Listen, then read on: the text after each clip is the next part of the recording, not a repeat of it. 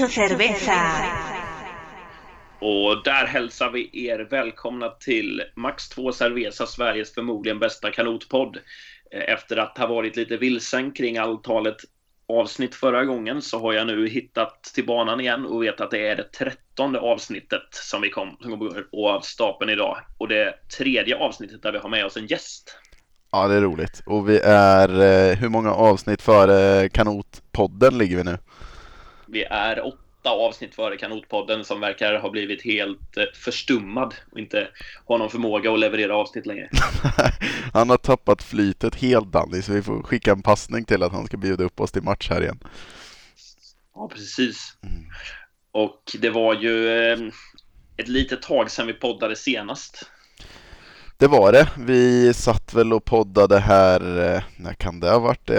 Två veckor sedan kanske, eller lite drygt två veckor sedan. lite drygt två veckor sedan, precis. Och det har väl... Det är klart att man har hunnit göra lite olika saker däremellan, men det är ju en sak som eh, är lite mer eh, viktig än de andra grejerna. Det är det ju. Vi eh, tog ju vårt pick och pack och satte oss på eh, närmsta flygplan och tog oss ner till Ungern för att kolla på kanot-VM. Ja, det var en väldigt härlig resa. Ehm, vi hade otroligt roligt där nere. Det, det hoppas vi att de aktiva alltid har och sådär också. Men eh, jag vet att vi sa till varandra väldigt många gånger att det, det var en grym resa. Mm. Och, och nu, nu däremot när det har fått sjunka in lite hos Jesper så sitter han nu innan podden och säger att vi hade det hyfsat.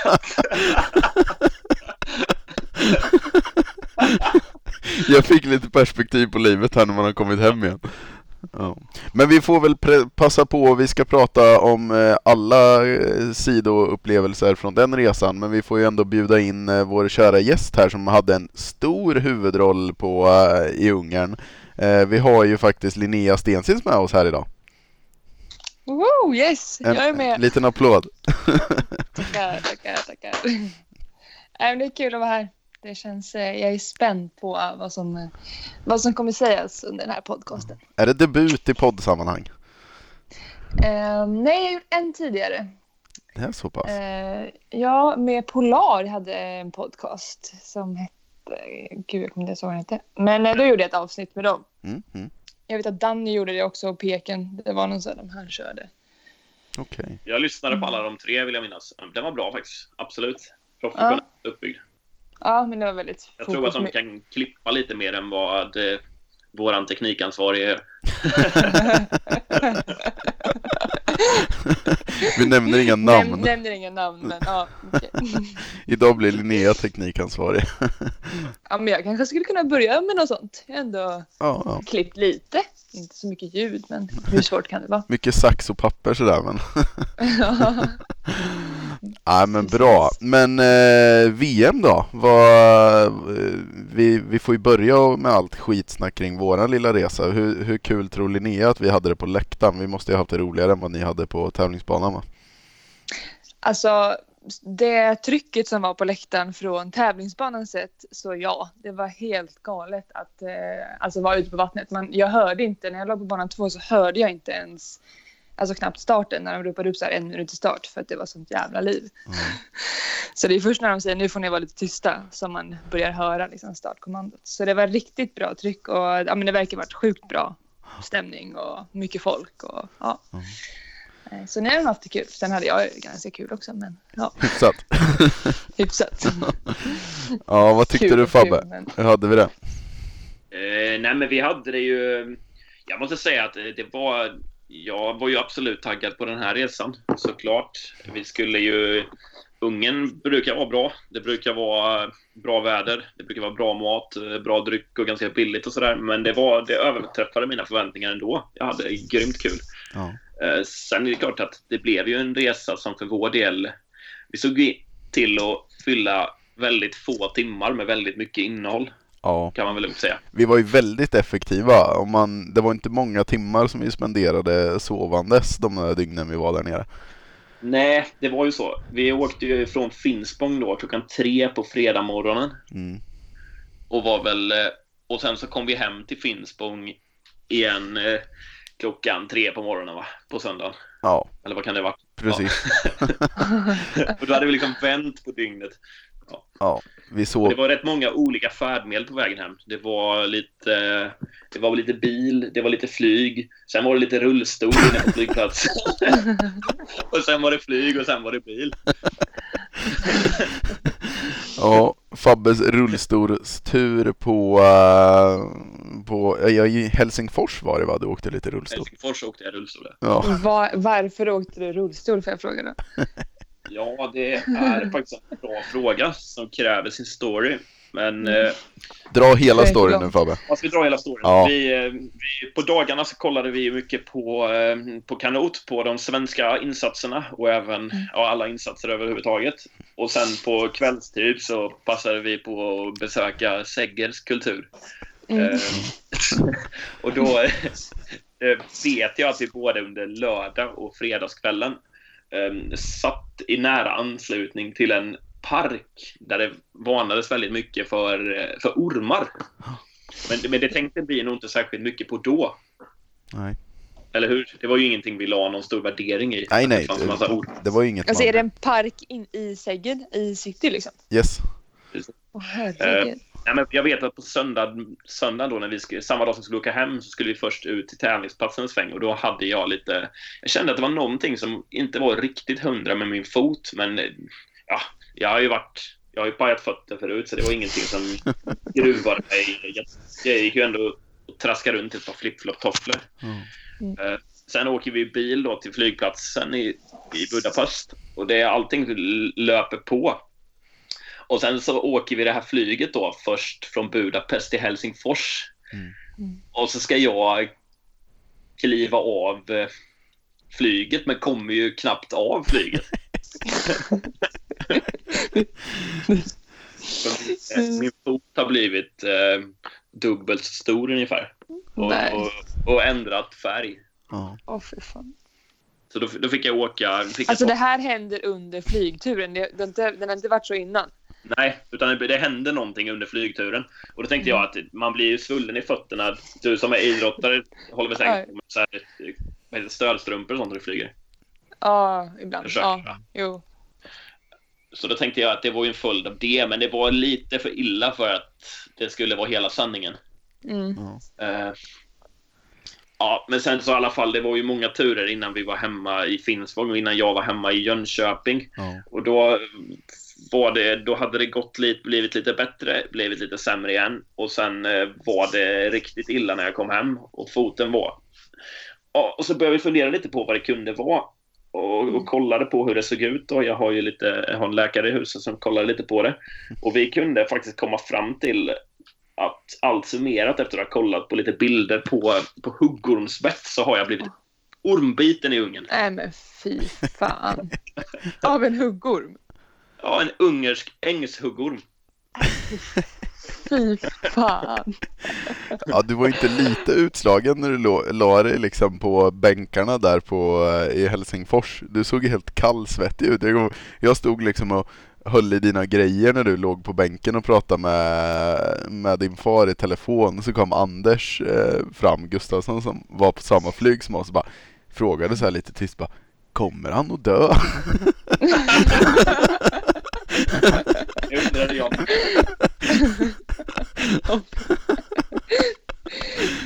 Men, Men alltså, du har inte känt något bett liksom, aj en mygga på foten? Alltså, du har Nej, inte känt... är, nej, precis. Det är det som, ehm, som saknas. För Jag gjorde faktiskt lite research i vissa ormforum. Mm. Att man kan faktiskt bli ormbiten utan att märka det. Mhm. Och, eh, ja, sen gick han på Men då- smärtstillande hela Varför- helgen också. Jag gick ju på någon form av smärtstillande kvällstid i Ungern. Ja.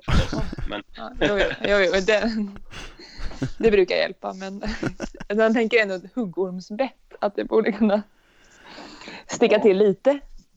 jag måste nästan prova en gång till för att utreda det.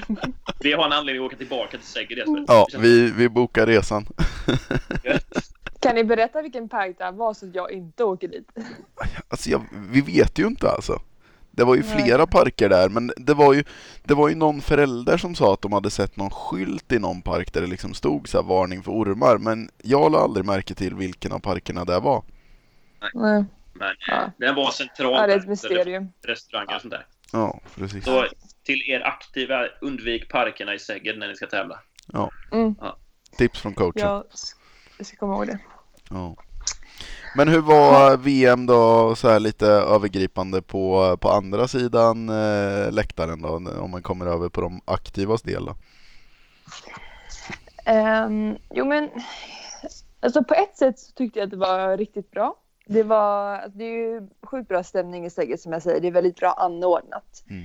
Sen eh, hade jag lite så här, mitt schema gick helt tvärt emot alla andras schema skulle jag säga. Mm. Så att jag tävlade ju inte samtidigt som typ K4-tjejerna eller K2-tjejerna eller K4-killarna.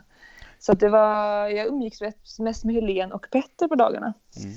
Eh, och sen så när jag var klar så åkte jag hem och då liksom bytte vi av varandra. Så, att, ehm, så det tyckte jag var lite tråkigt. Det blev inte så jättemycket häng med laget eh, under tävlingsdagarna. Och det kan ju liksom ta ner stämningen lite också av att det är VM och, Ja.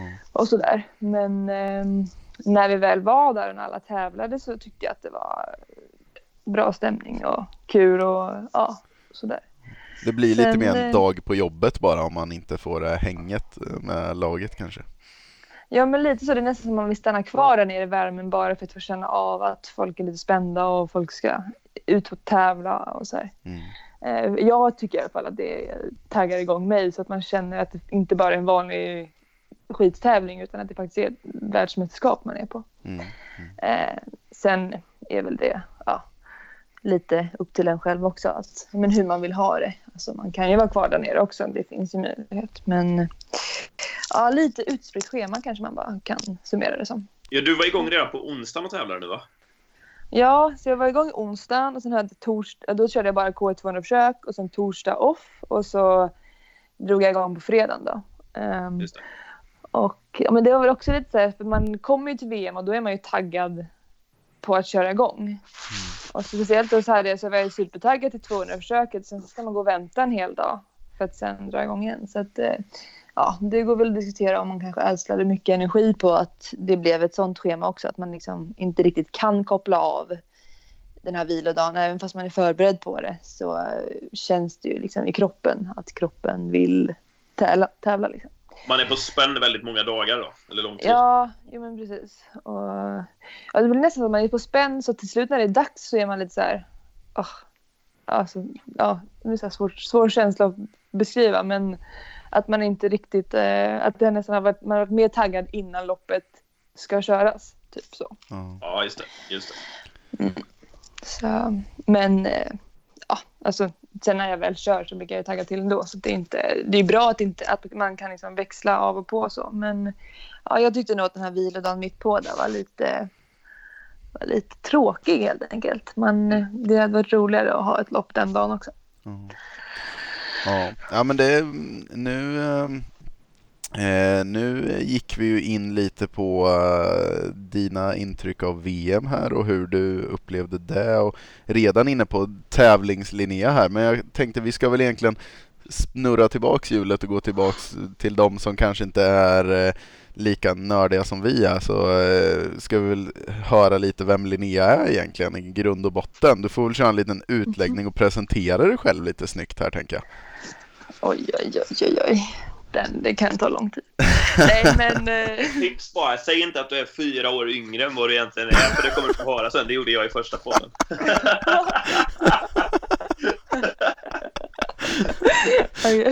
Fyra år äldre då får man höra det också. Den kanske kommer man undan bättre med. Ja. Ja, jag eh, är 25 år gammal. Mm. Tror jag. Ja. jag har eh, väl i princip paddlat kanot hela mitt liv sedan jag var sex år gammal. Ehm, ja, det har varit en väldigt stor del av mitt liv och tävlat i landslaget sedan 2013 i seniorlandslaget. Eller jag gjorde ett uppdrag redan 2012 när jag var in junior. Och sen har det bara rullat på med mycket tävlingar. Eh, Jag tog VM-brons förra året. Var med i OS Rio 2016. Mm. Och eh, har även testat på lite eh, andra kanotsporter som maraton och surfski. Tycker det är rätt kul att eh, ja, men i allmänhet att paddla och testa på nya saker och äventyr. Men eh, min favoritsträcka inom kanot är väl ändå 200 meter som har varit liksom, det som kanske är en lite specialgren. Uh, utöver det så uh, försöker jag väl på med lite olika studier och jobba lite här och var. Inte så mycket de senaste åren men ja, gillar att vara med kompisar. Trivs väldigt bra ute i skärgården. Vara ute på vattnet, åka båt, fika, dricka kaffe.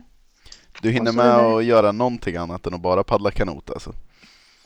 Ja, alltså jag har lite svårt för att bara paddla kanot. Det Mm. blir väldigt lätt att folk redan liksom identifierar en med kanot så alla frågor man får är liksom kring kanot. Och jag tycker att det kan vara skönt att kunna ha någonting annat utanför det. Mm. Och jag har mycket vänner som inte alls är insatta i kanot som typ än idag frågar så här, vad har du tävlat i nu då? Mm. Kör du 200 eller kör du K1 eller vad kör du? Du kör inte K4? Och så här, det är lite frustrerande samtidigt som det är så sjukt skönt för att man kan bara så här, man trycker igenom det på fem minuter, vet att de kommer ställa samma frågor nästa gång och sen så kan man liksom få vara en annan person eller man ska säga och bara lyssna på deras liv och snacka lite skit om annat. Så att, eh, ja. Och sen, eh, ja, man mår ju bra av att ha lite balans i livet liksom. Det är ganska intressant det där vad man gör, för det, det tror jag både jag och Fabbe kan känna igen oss i att man liksom när man håller på med kanot så är man så inne i bara det och att man blir tvungen att söka sig till lite annat. Det är också en, ett ekonomiskt perspektiv i det hela som gör att det inte är så lätt att hålla på med bara kanot jämt också. Men eh, Nej. du som ändå har kommit till en väldigt hög nivå och tagit dig till OS och så, hur, hur, hur har du gjort för att få ihop det att, att ändå bara hålla på med kanot som eh, eller om du pluggar vid sidan om eller hur, hur får du din vardag att gå ihop eh, ja, helhetsmässigt? Så. Mm. Nej men ekonomiskt så är det ju typ som att jag har klarat mig på att bara paddla och Alltså vi, jag, både jag och Moa Wikberg kom ju med i SOKs Stopp och talangprogram 2014 tror jag va? Eller 2015. Mm. Eh, så då får man ekonomiskt stöd från dem, vilket inte är som en full lön, men det, det hjälper ändå rätt mycket. Mm. Eh, sen har jag haft väldigt bra stöttning från min klubb och eh, från ja, men föräldrarna när jag var yngre och sådär. Mm. Så att eh, jag har väl haft tur med att det har varit folk som har stött mig och att jag ganska tidigt fick stöd från SOK och innan det- det hade jag sökt elitidrottsstipendium som också var en ganska stor summa pengar, som, eller som stor summa pengar för att vara ung liksom och inte ha något jobb. Så ja, men haft lite tur, sökt lite sponsorer och sen har jag försökt jobba eh, när jag har kunnat jobba. Så om jag varit hemma en höst så har jag jobbat lite timmar ute på typ Vaxholms kastell eller Vaxholms turistbyrå och ja, lite så. Eh, men eh, ja, det är ju svårt, det är ju skittufft men ehm, eh, ja, nej, som sagt när man blir äldre så är det väldigt kämpigt om man inte har något ekonomiskt stöd. Så jag vet inte vad man ska göra, paddla tillräckligt bra för att komma med i SOK eller snacka till sig en plats. Mm. Hur man nu gör det. Mm. Nej men så är det ju faktiskt, men det är ju rätt in. Hur, hur tror du, om du inte hade varit, kommit med i SOK så tidigt, hur tror du det hade Mm. påverkat eh, din karriär till idag? Ja, det tror jag hade varit. Alltså, de har ju hjälpt väldigt mycket och det är inte bara ekonomiskt utan jag tror så här, i efterhand så ser man ju mycket kring den kring det liksom, eh, resursteamet som finns inom SOK. Att man får hjälp med fysträning och sjukgymnastik och kost och allt sånt som i början kändes lite så här, vad ska jag här för nytta av? Det spelar väl ingen roll, mamma lagar ändå mat. Liksom, så. Eh, men sen så ganska snabbt insåg man ju vikten av det och började jobba med det själv och att jag började laga mat och sen så att man tog tag i om man hade någon skada, att man tog hjälp av sjukgymnast och man började planera sin tillvaro. Så de delarna skulle jag säga är det som har påverkat mer till att jag har fortsatt utvecklas. Sen så vet jag att om jag inte hade haft ekonomiskt stöd från dem så ja, vad ska man göra? Tigga från sina föräldrar eller folk i sin närhet? Eh, det går ju inte i längden. Så då hade man ju fått lov att jobba, varit tvungen till att jobba och kanske inte kunna åka på lika mycket läger. Och, ja, så det hade ju varit tufft, Mm. Mm. absolut. Ja. Du, hade, eh, du hade fått snabb hjälp av SOK om du hade åkt på ett ormbett i Ungern med andra ord. Ja,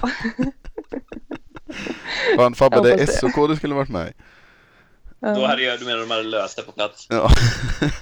De hade förmodligen också funderat hur det har gått till Den hade kanske varit jobbigare att förklara. Ja. De hade funderat en del på storyn bakom det. Ja, precis. Sen hade man behövt göra en så här utvecklingsplan för hur man ska undvika att hamna i den situationen igen och så sitta i, ja. Är det så alltså? Det är, mycket, alltså det är väldigt mycket utvärdering och det ska ha väldigt, eh, alltså du måste ju lägga upp. Det är inte så att de bara ger en pengar för allting utan du måste ju ha en väldigt bra plan. Um, och det är det som många inte förstår att det är inte så att SOK bara langar ut pengar för allting utan de är riktigt svåra med, eller inte svåra men det ska ju vara liksom ett syfte och det ska finnas så här jag ska veta vilka datum jag ska vara på ett ställe och träna med vilka personer och varför. Liksom. Så att redan nu ja, i oktober så kommer jag få sitta ner och planera för hela nästa år. Mm. Och se vad jag ska, alltså så, här, så att det är en rimlig, jag kan inte vara så här, men jag vill kanske åka tio veckor dit. Utan jag måste vara, jag, måste, jag vill åka tio veckor dit inom den här perioden för att träna med de här, det kommer kosta så här mycket och så vidare. Och så vidare. Mm. Uh, så att eh, de låter ju, alltså det blir ju samtidigt lite eget ansvar eh, och att man lär sig eh, planera och fundera på budget och sånt där. Liksom. Hur ser den planen ut inför eh, kommande OS då, som ändå mest troligt du får köra i alla fall? Ja, alltså jag ska helt ärligt säga att jag inte orkat. Alltså folk har fråga, alltså är, man får ju fråga hela tiden. När, typ innan VM så har det ju varit så här varje gång man kom hem. Mm. Den, man får inte frågan så här, ja tjena hur mår du? Utan det är hej, ja, hur länge är du hemma nu då? Ja. Eh, eh, så att jag har liksom efter VM nu bara velat få vara lite. Och sen, men bara ta varje dag. Om jag vaknar nio så vaknar jag nio. Jag behöver inte planera vad jag ska göra. Och, liksom, så. Mm. och det har varit rätt skönt. Eh, så jag har inte kommit så långt i den processen inför nästa år. Men eh, ja, lite små idéer har jag väl. Eh, och som det ser ut nu så är jag rätt sugen på att vara hemma i Sverige under hösten. Så därför Och åker sen- du till Japan imorgon? Ja, precis. Men det är bara en liten tripp på två veckor. Ja. Och så fyra dagar till Kina efter det. Men, Ja, det är fint. ja, nej, Greta... Vad är det? Vad fan? Greta Thunberg. Thunberg, tack. Hon hade inte varit nöjd. Nej, nej. Du ska inte segla eller paddla till Japan alltså? Eh, vi kan ju säga att jag ska göra det. Ja. Men eh, tyvärr så är sanningen att jag ska flyga. ja. Så att, eh, men jag brukar säga att jag ska ändå vara i Tokyo två veckor. Det finns ju de som flyger till Tokyo typ över dagen för att göra lite jobb och sen flyger hem. Så att jag inte Det var ungefär så vi jobbade med Säger. Vi åkte ner till Säger och så Ja. var det här väldigt intensivt och sen drog vi hem. Ja. Ja. Ja, ja men det, det blir väl spännande ändå att känna på lite omgivningen inför OS. ja, jo, men det ska bli kul. Mm. Ehm, jag var ju på för-OS i Rio 2015 och det var faktiskt en, alltså, en väldigt trevlig och rolig resa. Ja. Eh, folk är mycket mer avslappnade när VM är över och att det spelar inte så stor roll hur man presterar på det här. Och så så att jag tror att eh, ja, men man brukar lära känna dem från andra länder mycket bättre och sådär också. Så att eh, jag är väldigt positiv till att åka. Sen eh, känns det som att man är ute och reser hela tiden tyvärr. Men ja, det är kul också. Man, alltså, det är ju inte så många som får den här chansen som jag har så jag ska verkligen inte klaga på det livet som jag har just nu och sådär. Så att, ja, men det blir kul. Härligt. Jag tänker Mm. att vi ska köra en liten snäll grillning av dig här med lite frågor vi har förberett. Mhm. Är Ja, men den är väl absolut snäll. Vi, om Den är för, snäll. för er som har lyssnat på podden tidigare så har vi ju kört eh, fem snabba frågor. Och i alla fall har det varit uppskattat bland mig och Jesper. Men vi hoppas att det har varit uppskattat bland andra också. Ska vi låta, vi hade en plan här innan jag och Fabbe när vi snackade ihop oss men nu tycker jag Fabbe har fått så lite luft senaste minuterna så jag tycker du får köra frågorna rätt upp och ner Fabbe så får du hålla låda lite. Så får jag pusta Eh, lite. Ska jag köra fem snabba frågor då? Ja alltså? gör det, Då kör dem jag allihop. plocka fram dem så, så kör vi. Och då är det snabba. Du, du får bara svara rätt av. Okej. Eh, Ja. Shit. Vi utvärderar Snabba dem efteråt. Mhm. Eh, Okej. eh, 200 eller 500? 200. Eh, Cinco eller Sete, alltså kanotmodellen.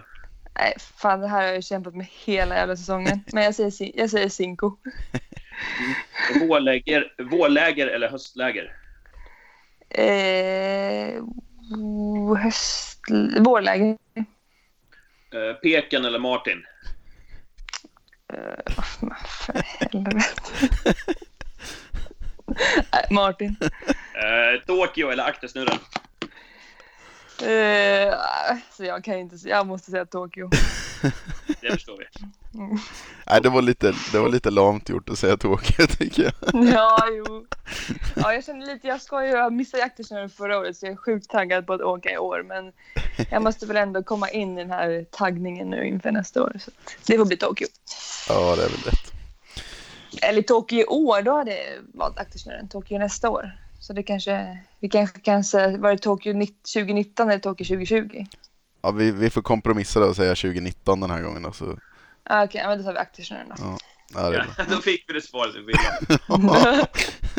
Vi vinklar frågan lite grann. Lite kompromiss, men ja. Ja. Kör du en liten uppföljning på frågorna här då Fabbe? Ja, 200 eller 500. Du svarade ju faktiskt på den frågan innan jag ställde frågan. Eh, Mm. ja. Ja. Men du kan lägga till något om det behövs. Ja, nej, men alltså det är så himla svårt för jag gillar, jag gillar verkligen båda sträckorna. Eh, men det är någonting charmigt med 200 som jag liksom brinner för ändå. Sen har jag de senaste åren har jag börjat liksom tycka att 500 är ibland roligare och jag kan tycka att det är roligare med 500 att man det, fin- det är lättare att träna för 500. Eh, men eh, jag tycker väl att det är väldigt roligt att tävla 200 speciellt när man känner sig liksom i form och det går riktigt bra. Det är just tävlingsmomentet där som blir extra roligt. Ja, precis. Just det. Hur mycket skiljer sig träningen då för din del? Det är väl olika vem man är men för din del när du vill bli bra på det ena eller andra? Ja, alltså det är det som jag inte riktigt får någon logik i. För jag tycker nästan att det var så att förra året så satsade jag mer på 500. Eh, och då gick det bättre på 200. Och i år har jag satsat på 200, eh, mer mot 200. Och på VM gick det bättre på 500. Så att jag är lite så här kluven i hur det egentligen funkar. Men det som jag tror är att mm, för att jag ska köra bra på 200 så krävs det liksom att det är lite så rätt dag, rätt plats. Mm. Eh, Men på 500 så kan man komma undan lite mer med att man är bra tränad. Liksom. För det var Så någonting jag jag tror- tänkte på här när du sa att det gick bättre på 500 än på 200 på VM. Tycker du det på alla plan eller är det bara resultatmässigt? Jag tänker att det, 200 kan ju vara så små marginaler så du skulle ju faktiskt rent prestationsmässigt mot dig själv gjort ett bättre lopp på 200 än på 500. Men att du ändå liksom, ja, du hade grundkapaciteten för att vara sexa på 500 trots allt fast du bara hade stolpe ut på 200 liksom. Ja, alltså det, är, det är väl en väldigt bra punkt. Och jag tror ju att det är så som du säger. att Jag, jag var ganska säker på... Jag var egentligen säker när jag kom till VM att jag skulle komma till final på 500 när jag såg startlistan. Mm. För där är det liksom ur, lättare att urskilja sig och placera sig själv på en plats liksom, där man vet att man borde vara. Eh, men sen så tyckte jag att mitt, två, alltså mitt lopp på 200 semifinalen var inte så bra som jag kan paddla. Och försöken både på 200 och 500 kändes sjukt bra. Eh, och jag har känt mig väldigt snabb inför VM. När, vi hade, när jag var i Italien och hade läger i Vaxholm så var det så här, ja, då var det så här, det kändes klockrent med 200. Sen så var det som att jag tappade lite det sista veckan. Jag fick så här jätteont i en höft och ja, väldigt öm i kroppen. Och sen så hittade jag aldrig riktigt tillbaka till den känslan. Eh, speciellt inte i semifinalen och ja, finalen var inte dålig men den hade jag inte laddat för så då var det liksom mer den känslan att jag inte hade gett eh, det loppet så mycket energi. Eller vad man ska säga. Så det är väl lite som du säger att jag egentligen kanske inte underpresterade på eh, eller liksom överpresterade på 500 utan det kanske mer var att där var jag där jag var och 200 missade jag lite och fick inte köra finalen. Vilket brukar vara mitt bästa lopp under ett mästerskap. Precis. Ja, men det är väl just det där med, med marginalerna. Det, alltså, hade du haft en, en hundradel snabbare i semifinalen så, så hade det ju varit ett helt annat läge. Och då kanske Mm. du varit mer, mycket mer nöjd med den sträckan. Så. Ja, och jag vet ju att jag, alltså jag tyvärr så har jag svårt att köra så här försök och semifinaler, vilket är, man måste ju öva på det, men när jag höj, kommer, väl är i finalen så känns det som att det är där jag kan höja mig och få till ett riktigt bra lopp. Så problemet blir när man åker ut med en, hun- en hundradel. Alltså det var ju samma på världscupen i Duisburg så höll jag ju på att åka ut i semifinalen, men då var jag en hundradel, den hade jag på min sida då. Och sen så kom jag trea i finalen. Eh, Så det, det är väl också någonting jag tar med mig att jag måste ja, förmodligen blir det väl en mer mental, eller liksom att kunna få ut det och känna att semifinalloppet är, ja, att, det, att man får till det där liksom. Eh, så. Yes. Men det är tufft. Det är ju det. Mm. Vad sa vi, Cinco eller Setter då var nästa? Det hade, tyckte du om den gamla modellen bättre? Ja, alltså jag får ändå säga Singo, för varje gång jag sätter mig i den så är det liksom, ja, så är det så att här, det känns hemma liksom. Och jag har kämpat lite under säsongen med eh, om jag ska byta eller inte. Eh, sen så var det bara så vid ett läge så kände jag att men jag, jag får, får byta för jag vet liksom, det är inte så att jag känner att den ena går snabbare eller långsammare. Eh, och, och jag kan köra bra i CT, men just känslan som jag har i Sinko tycker jag är skönare. Eh, jag tycker att den Alltså jag får bättre, ja men känslan är helt enkelt bättre. Sen så vet jag inte om den går snabbare eller långsammare. Så ja, jag kommer väl få vara kvar i den härvan ett tag till. Jag vågar liksom inte sälja av mina Sinkos heller för att jag inte kan. Nu kanske jag var väldigt oobservant, men vad körde du i för kanot? Jag körde i CT. ja, du gjorde det? Okej. Okay. Ja. Ja, för jag la faktiskt märke till att en hel del andra liksom, riktigt stora namn inom kanoter eh, inte körde med seten nu, men hade gjort det tidigare tävlingar. Så det, det verkar väl inte vara nödvändigtvis så att nyast behöver vara bäst.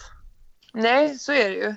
Sen så vet man ju, eller så här, andra länder kanske har testat och Nelo har ju, jag har ju testat med Nelo och, eh, eller det gjorde jag tidigt, eller var förra året kanske till och med. Eh, och då gick ju den snabbare seten liksom. Men det är svårt att göra sådana tester också.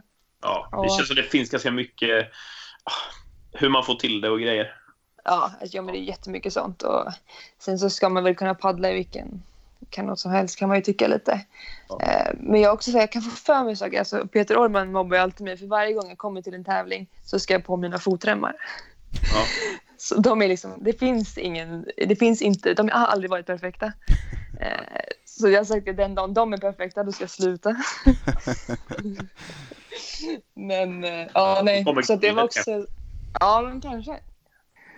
Um, nej, det, men så man får ju för sig så saker också. Den här känns inte bra. Jag är väldigt så här, det känns inte bra. Men vad, jag vet inte vad det är som inte känns bra. Så jag kan inte få det bra. Och den, det kan jag fastna i ibland. Så här, och vet ju själv att man måste bara släppa det. Samtidigt så är det ju någon slags känsla som inte känns bra. Vilket är ja, sjukt. Men, eh, ja, men Cinco fick det bli. Mm. Ja, vad bra. Det är en bra båt. Mm. Då ångrar du dig att du körde sättet på VM kanske då? Nej, det gör jag ändå inte. För att jag, känner, alltså, jag gillar båda. Mm. Men eh, det var en snabb, ett snabbsvar. Och eh, Sinkon är sån, den känner jag verkligen att jag trivs i. Mm. Eh, men jag trivdes inte riktigt lika bra med den i början heller. Så att det kanske är bara acceptans liksom, för att det är en ny mm. båt. Men jag tror inte att jag presterade sämre på grund av att jag hade sete. Liksom. Ni har ingen påtryckning alls från Nelo att ni ska köra de nya modellerna? Eller? Alltså det är inte så att de skulle tvinga mig. Sen så har jag ju fått eh, en sete mm. eh, så, att köra i. Och, eh, men du får ingen pik ja, men... liksom att de säger fan kör du den gamla kanoten, skärp dig nu, kör våra nya modell för vi måste sälja lite mer. jag har inte testat jag ska vara ärlig. Nej, nej. Men nej, det tror jag absolut inte de skulle göra. Jag tror de accepterar det. Alltså, jag menar, om jag börjar köra Sinko igen, då kanske folk eh, börjar köra den. Alltså, så, här, så att de är nog mest beroende av att, liksom, eller mest så vill att vi ska köra någon av modellerna. Mm. Det var mer grinigt om det hade kommit en plastdäck liksom. Ja, då tror jag att de hade blivit lite griniga. ja. Mm. Det var lite så när jag skulle köra, när jag körde surfski-VM. Ja. Då ville jag först köra Nelo, men sen så fick ju vi, jag känner ju han som tillverkar Nordic Kayaks eh, som är en kompis. Mm. Och så fick landslaget köra med dem. Men då var det lite så här, jag kände nästan lite, för då hade de, först hade Nelo inte svarat, men sen så hade de fixat en Nelo åt mig. Mm. Men då hade vi fixat Nordic så då var jag så här, ah shit sorry. Han bara, ah, det här är slutet för dig, du kommer aldrig mer vara med i Nelo och typ så här, skojade med mig ja. liksom. Men det var, kändes ju så här, för fan nu sviker jag. ja, det är bra. Vad vårläger eller höstläger sa vi, den kanske inte är så jätteinvecklad fråga, men du sa vårläger va? Ja, men det är nog för att jag inte tänker att jag ska ha något höstläger i år. Mm. Så att... Eh, så det var väl det som kändes. Men annars har jag haft mina höstläger i Australien eh, de senaste två åren. Vilket jag tycker har varit eh, riktigt grymt. Så att ja, det är också väldigt fett. Eller nej, jag får nästan ångra mig där och säga höstläger. För det är mycket mer avspänd känsla på höstläger. Mm. Det skulle jag komma till lite också. Det, det tänkte jag nästan samma sak, att jag hade nog sagt höstläge mest av den anledningen att då, då tränar man mer för det är roligt och inte för att man ångest Mm. förbereder sig för säsongen. Nej, du kör ju inte lopp och såna här grejer. På, nu, å andra sidan kanske när du är i Aus- Australien, då har ju de en, en säsong på vintern där. Mm. Eh, Så det kanske ändå är lite så. Fast å andra sidan är ju inte den vintersäsongen viktig för dig. Så du kanske ändå kan skita i det lite. Ja, alltså Ja. jag tävlade ju där förra året. eh, Ja. Men jag tränade ju inte för det. Nej, Och exakt. det, det var ju rätt skönt. För då blev det nästan dubbelt att de hade ångest. Och jag kunde bara träna och inte ha någon ångest. Ja. Så, så det var riktigt skönt faktiskt. Eh, Ja, nej men så, alltså det är ju som sagt var båda har ju sin skärm. Men just med det här avslappnade och men den känslan jag har nu det är ju mer så att man vill bara, jag är sugen på att träna men jag är inte sugen på att träna uppstyrt eller ha så här lopp och syra utan hellre så här, ja men typ nu när jag var ute i helgen så eh, har jag, några, jag var på mitt sommarställe och sen så har jag några kompisar som har ett sommarställe längre ut. Och då bara tar jag min kanot och paddlar trots att det är liksom vågor och det går båtar och man bryr sig liksom inte. Eh, och den känslan tycker jag är så skön som infaller sig på hösten att så länge jag tränar så är det lugnt. Det spelar ingen roll ifall det blev fel eller körde in inte var mindre eller en kilometer kortare. Liksom. Eh, Inte de detaljerna riktigt då. Utan, nej, precis. Man kan mer göra en rolig grej av det. Typ ett Ja. äventyr. Liksom. och bli bättre på kuppen. Ja, Förhoppningsvis. precis. Ja. Vi kommer till en Ja. riktigt saftig fråga här nu. Kommer du ihåg vad den frågan var Fabbe? Ja. Vänta, vad hade vi? Ska jag plocka fram vårt manus här? Ja, Har du det uppe? ja jag, jag vill ju minnas att det hade någonting med förbundskaptenen att göra va? Uh, nu ska vi se. Ja, Peken eller Martin står det på vårt manus här. Mm. Um, Ett kontroversiellt svar fick vi också. där är... Jag måste, jag måste bidra med någonting. Ja.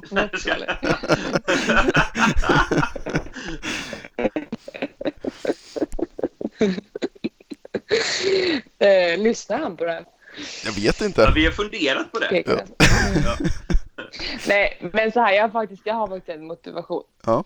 Eh, och eh, det var att jag kan tycka att, eh, att det på något sätt var bra att eh, förbundskaptenen är mer insatt i kanot och faktiskt kan hjälpa till med eh, ja, men, frågor kring träning mer och kanot. Så. Eh, sen så var ju Martin var ju inte eh, liksom superbra mot alla i laget. Men rent egoistiskt så var han oftast eh, bra mot mig. Och vi hade en bra relation. Och det var väl kanske för att jag var en av de bästa tjejerna. Och ja, vi hade det bra. Och sista året inför OS speciellt så tyckte jag det var riktigt bra när Martin inte hade fokus på så många. Eh, så att han bidrog med mycket bra liksom. Och i den, eh, vad ska säga, utvecklingsfasen som jag var när jag hade med Martin så tror jag att det passade mig väldigt bra. Sen så kanske jag inte hade tyckt att han var så bra just så som det är nu. Eh, och sen så kan jag, ja. Ja, får men du jag tyckte utveckla. att Martin var... Nej, men så det, jag tror att det är olika vad man behöver i olika tidpunkter. Mm. Nu hade jag nog tyckt att Martin är lite för oseriös och så här. Men kanske inte. Han var ju väldigt så här, inte individanpassad utan alla skulle träna samma sak. Man skulle träna jäkligt hårt och det skulle bara vara du inte, det är ingen skillnad på dig eller någon annan. Och det gör ju att, eller det gjorde ju att man tränade liksom mesta och gjorde, sen gjorde inte jag alla pass kan jag erkänna. Men eh, och nu jag, känner jag ju att den relation jag har med Åsa som istället är väldigt lyhörd och låter mig vara en väldigt stor del av processen kring vad jag gör själv eh, passar mycket bättre eh, nu när det handlar mer om att man har gjort ganska mycket av den grundträningen och ja, sådär. Det funkade Sen- bra när du skulle göra någon form av hundår träningsmässigt där då kan man säga. Ja, men precis. När vi låg i Florida i tio veckor och det bara sådär hård vecka efter hård vecka och typ Jajamän. 60 minuter i 44. Fast att det är orimligt. Kul och lätt. Ja, Men har inte Åsa Sen- sådana där pass också då? Vi har ju också varit med under Åsas ledning och fått lida en del träningspass. jo, men jag tror att jag kan, alltså jag har i början så fick jag ju kämpa lite eh, för att få bort de här passen. Men nu har hon nog börjat inse att jag kommer vinna den striden. Mm. Eh, så hon brukar inte, alltså ibland så kan hon få för sig så här, en vecka kan han bara, men hallå Åsa, hur har du tänkt här? Eh, men då tar jag den Mm. fighten Mm. tills jag får rätt typ. Eh, nej men så, hon är väldigt bra. Och jag tycker att vårt samarbete har, ja men att det blivit eh, liksom, ja, för i början så var det väl mycket sådana pass som man kände att det här kommer inte hålla längden. Men eh, ja, det gäller det är ju bra om man kan kommunicera. Och jag tycker att hon är väldigt bra på att kommunicera och lyssna framför allt och ta åt sig liksom och ändra när man behöver, när det behövs ändras. Känns det inte jobbigt då att om ni ändå någonstans måste ni ha ganska olika filosofier om, om det liksom inte klaffar från början utan ni måste sätta er och skruva om varenda träningsprogram? Eh, jo, fast jag tror inte att det skiljer så mycket heller. Nej. Eh, jag, tror, alltså, jag tror bara att eh, det handlar om att Åsa behöver lära känna mig. Eh, så. Och jag tror jag har väldigt stor fördel av att Sofia Paldanius haft Åsa innan. För att eh, de, hon brukar säga det att hon känner igen mycket kring hur Sofia funkade. Sen så var ju Sofia mer mot 500. Men Åsa har ju också hjälpt mig att bli väldigt duktig på 500. Mm. Eh, mycket bättre än jag förut. Så, men så, ja, jag kan, på 200 kan jag känna så att det inte finns riktigt någon i Sverige som är så nischad på liksom just 200 meters paddling. Eh, så där är det snarare så att, det inte, att jag kan känna att det saknas kompetens hos alla i landslaget. Alltså alla landslagstränare. Och att eh, det är svårt att veta vad man ska göra där. Eh, så. Eh, men det, då får man väl bara försöka komma fram till något gemensamt och se hur man kan jobba. Så. Har du upplevt att det finns någon tränare från någon annan nation som har den kompetensen då? Du som ändå stöter på lite andra att träna med. Ehm, ja, alltså på olika sätt. Eh, men i, alltså, de flesta är mer kring generell träning och mer mot 500. Eh, sen har man väl sett typ ja, men, liksom, Storbritanniens lag, de tränar ju väldigt specifikt just 200. Men det är ju typ en kille som har Liam hit. Alltså, så här, det är ju svårt för man blir så här, ja men Liam är bra, då är Liams tränare bra. Men det är inte säkert att det är just därför. Det kanske är att Liam är skitbra och sen så har de hittat någonting som funkar. Liksom. Exakt. Eh, Men, eh, nej, men typ lite olika input från olika. Det finns några i Australien, inte hon som jag tränar med, men, ja, men folk som kan liksom, säga ja, men vissa saker som man tar till sig. Men det är inte så att jag sitter att den här personen skulle jag vilja bli tränad för, på 200 meter. Ja, liksom. Eh, Det är svårt. Nej, ska man bli riktigt bra så, krävs det väl ändå att man kan eh, anpassa sig inför... Man måste kunna dra lite slutsatser själv oavsett vem som är coachen och vad man Mm. än kör för pass. Mm. Det tror Jo, jag men man kan jag. utgå ifrån. Mm. Man måste kunna vara lite tänkande. Ja. Alltså det tror jag det mesta handlar om. Att man, för ingen annan känner ju en själv så bra som man själv gör. säga. Eh, och eh, det är ju alltid viktigt att fundera på vad det är man gör och typ när det har känts bra. Vad kan det vara att man har gjort och hur ska man få liksom ett drag? Man känner ju om det, men det där draget var inte perfekt. Vad, var det, vad är det jag gör när de är bra liksom? Eh, För det är ju, kan ju inte tränaren ens se. De kan ju inte se varje drag. Så, sen så kan ju de hjälpa mer med liksom, övergripande och sånt där. Så, ja. Men jag har ju dagligen ingen tränare. Jag har ju, det är ju många pass på ett år som jag inte har någon med mig överhuvudtaget. Och när jag är i Australien så, så får jag hjälp från deras tränare. Men det är inte så att hon går på och ändrar speciellt mycket eller egentligen bidrar med så mycket till mig. Utan det är ju mest att jag har en grupp och ibland filmar hon och jag kan få filmer och sådär. Så jag, jag tycker att det kan vara rätt skönt också att inte ha en tränare som står där varje dag och petar på varje liten detalj. Lite arbetsro vill man ha också, kan jag tänka mig. Ja, precis. Få leva lite. Ja. Det är som man lutar sig tillbaka i kontorstolen på jobbet när chefen inte är där liksom. Ja. Fabbe slutar skruva på cyklarna på XXL. ja, typ så. Man tar en kvart till sovmorgon om man vill det. ja, exakt. Ja, hur är... ehm, ge, eh, jag försöker skaffa mig någon form av bild av hur det såg ut på landslaget när, du, när vi, jag och Jesper körde och du körde. Men är du, gillar du det här med att träna tidigt eller sent? Eller? Alltså jag hatar ju att gå upp på morgonen. Sen tycker jag om att träna tidigt, så det går ju liksom inte ihop. Ja, det där går ju inte riktigt. Jag vet. Det är, och det är svårt för mig för på kvällen kan jag vara så här. Jag tränar tidigt så att jag är klar med träningen så att jag kan göra resten av sakerna jag ska göra under dagen. Sen så ringer klockan och jag tänker fuck no, jag är skittrött. Klickar på snooze och sen så drar jag ut på det. Och sen så blir det så att jag typ blir stressad och bara ja, nu kommer jag inte hinna göra allting. Så att eh, nej, jag gillar inte att, att eh, träna tidigt, men jag gillar känslan av att ha tränat tidigt. Alltså jag gillar när man är klar tidigt, om man säger så. Så att, eh, ja. Jag är Sen så ändå... det- fak- Ja, kör du. Nej, nej, men jag tänkte på typ när man är i Australien och tränar snuskigt tidigt. Typ vid fem. Det är nästan lättare tycker jag. Ja. För då är det som att då kan man nästan gå och lägga sig igen sen. Jag vet inte. Men ja. Men är det inte lättare så när det är så ljust som det är där? Det är väl liksom inte mm, beckmörkt som i Sverige i november liksom klockan fem på morgonen. Jo, så är det ju. Absolut. Men, eh, men ni då? Ni vill helst köra vid elva eller? Ja, 11 är ju tidigaste laget. Men jag kan ändå uppleva att när vi har varit på träningsläger ibland så har man faktiskt gjort bättre resultat träningsmässigt när man har fått köra sin egen rytm och liksom inte behövt enligt någon annans träningsschema gå upp 07.45 och vara på vattnet då bara för att det står på ett papper att man ska vara där liksom och tro att det blir bättre för det. Utan Ja. man kan ju faktiskt styra det utifrån sina egna önskemål och det blir bättre kvalitet då. Det, men, det jag kan köpa med att, ja, nej, men jag håller med. Jag, jag gör bättre pass om jag får sova också. Eh, Och Mm. sova gör jag eh, sent och inte tidigt. Eh, men eh, att jag köper att det nog är bra att ändå kunna träna tidigt för du kommer ju tävla tidigt. Och mm. då blir- kan det bli väldigt jobbigt att man helt plötsligt, är man dålig på att träna tidigt så är ju risken att du blir dålig på att tävla tidigt lite större. Ja.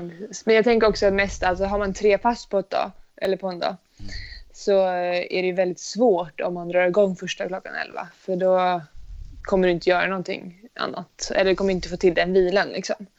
Din enda följd då. Ja, precis. Det är ändå skönt. Eller jag brukar tycka det är skönt om man får till typ, om man har tre pass nu, att man får dem på förmiddagen. Så man ändå får ett par timmar och sen så kan träna senare på kvällen. Men jag tror absolut så här, man, ibland fastnar man i rutinen att det ska vara så här åtta eller nio och sen så klockan fyra. Men du kan ju absolut gärna lika gärna klockan, träna klockan tio och sen så kanske köra fem, sex. Alltså, men man får ju typ skjuta på, åt båda hållen då. Ja. Så att, eh, ja, nej, men det är nog bra att känna efter lite själv vad man tycker det funkar. Ja, det är intressant det där. Eh, Mm. Men jag tänker vi ska väl slira oss vidare på lite lyssnarfrågor. Eh, det var kul, vi fastnade i lite längre diskussioner med det här, men det var nog bra grejer. Eh, vi hade ju en kvar där, det var Tokyo aktersnurren, men det är inte så mycket att lyfta om den kring mer än att du gärna vill på aktersnurren i år, men att du hellre vill på OS nästa år kanske. Ja, ja vi helst, he- får jag välja båda så väljer jag båda. Det är okej, Och så- men vi gillar att skicka shoutouts till att alla ska anmäla sig till aktersnurren i år. Mm. Ja, men det är bra. Bra reklam. Osponsrat inlägg. Vi, vi, be, vi betalar startavgift precis som alla andra blödiga. Ja, okej. Det är det, det är nästan lite dålig stil. Ni borde ju kunna bara säga det här är i samarbete med Aktersnurren. Ja, jo. Ja, men samarbete kan det ju vara, även om det inte är något ekonomiskt samarbete. Nej, det är så. Nej, vi, vi, spon, vi sponsrar så gärna det här eventet tror jag. Ja, det är faktiskt sant. Det är riktigt hästjobb. Ja. Men eh, Mm. vi hade ju lite lyssnarfrågor här eh, som vi ska mm, ta oss an, tänker jag. Eh, ganska spännande. Vi, vi kommer nog komma in en del på VM igen här, för det var mycket kring det som frågorna var. Mm. Eh, men vi kan börja. Vi hade en fråga här som var lite mer grundläggande. Som, ja, ordagrant så lät den så här. Och då var det Varför kör du så sällan besättning? Men jag tänker att den får vi vrida lite för jag vet inte om du kör så sällan besättning. Men det, det kanske var är så att de menar kanske frågan att du inte tävlar så mycket besättning. Eh, och ja, Det har väl sina förklaringar men du får väl dra din åsikt kring det här i alla fall. din tolkning av frågan också. Ja, precis. Ja, nej, men jag kan nog faktiskt hålla med om att de sista åren så har jag kört ganska lite besättning. Men eh, jag var faktiskt ute med Christian i K2 förra veckan. Mm. Jäkligt bra. Eh, nej, men sen så, jag tycker det är väldigt kul med besättning. Eh, jag tycker det är kul att träna besättning. Sen så har jag eh, ibland känt att eh, jag, höj, alltså jag höjer mig inte i en besättning. eh, när jag tävlar utan att det är svårt att liksom få till det. Eh, så. Eh, och sen så har jag tävlat väldigt mycket besättning för några år sedan. Jag satsade ju K4 inför förra OS och när jag var i junioråldern så mycket K2 och sådär. Eh, så att efter eh, 2015 inför 2016 så bestämde jag bara att jag ville testa gå för K1 200. Mm. Eh, och så tyckte jag det känns bra och sen så 2017 så kände jag igen att jag ville testa gå för K1 200 och addera K1 500. Eh, och sen så har det väl varit det att jag har följt det spåret och känner att nu är OS om ett år. Eh, jag inte, känner inte för att hoppa in i en besättning just nu och satsa på det fullt ut. För jag brinner ändå så mycket för K1 just nu att jag vill se hur, hur bra det kan gå inför Tokyo. Och då kan jag tycka att det är lite taskigt att vara så här, ja ja men jag sätter mig, jag fick frågan nu inför VM om jag vill hoppa in i K4. Mm. Eh, och jag hade tyckt att det var jättekul eh, men jag kände väl att på VM sen så kommer jag nog ändå brinna mer för K1 och då är det inte heller helt schysst att eh, tävla alltså så här, för de andra om jag känner att jag ändå eh, i slutändan om det stör min K1 kommer välja K1. Liksom. Mm. När fick du den mm. frågan då? I liksom tids, eh, vilken tidsram fick du den? Det här var, ja alltså det var lite så jag fick ju frågan typ efter alltså söndag kväll efter eh, vi hade varit på European Games tror jag det var. Okay. Söndag kväll när vi var på väg ner till VM. ja.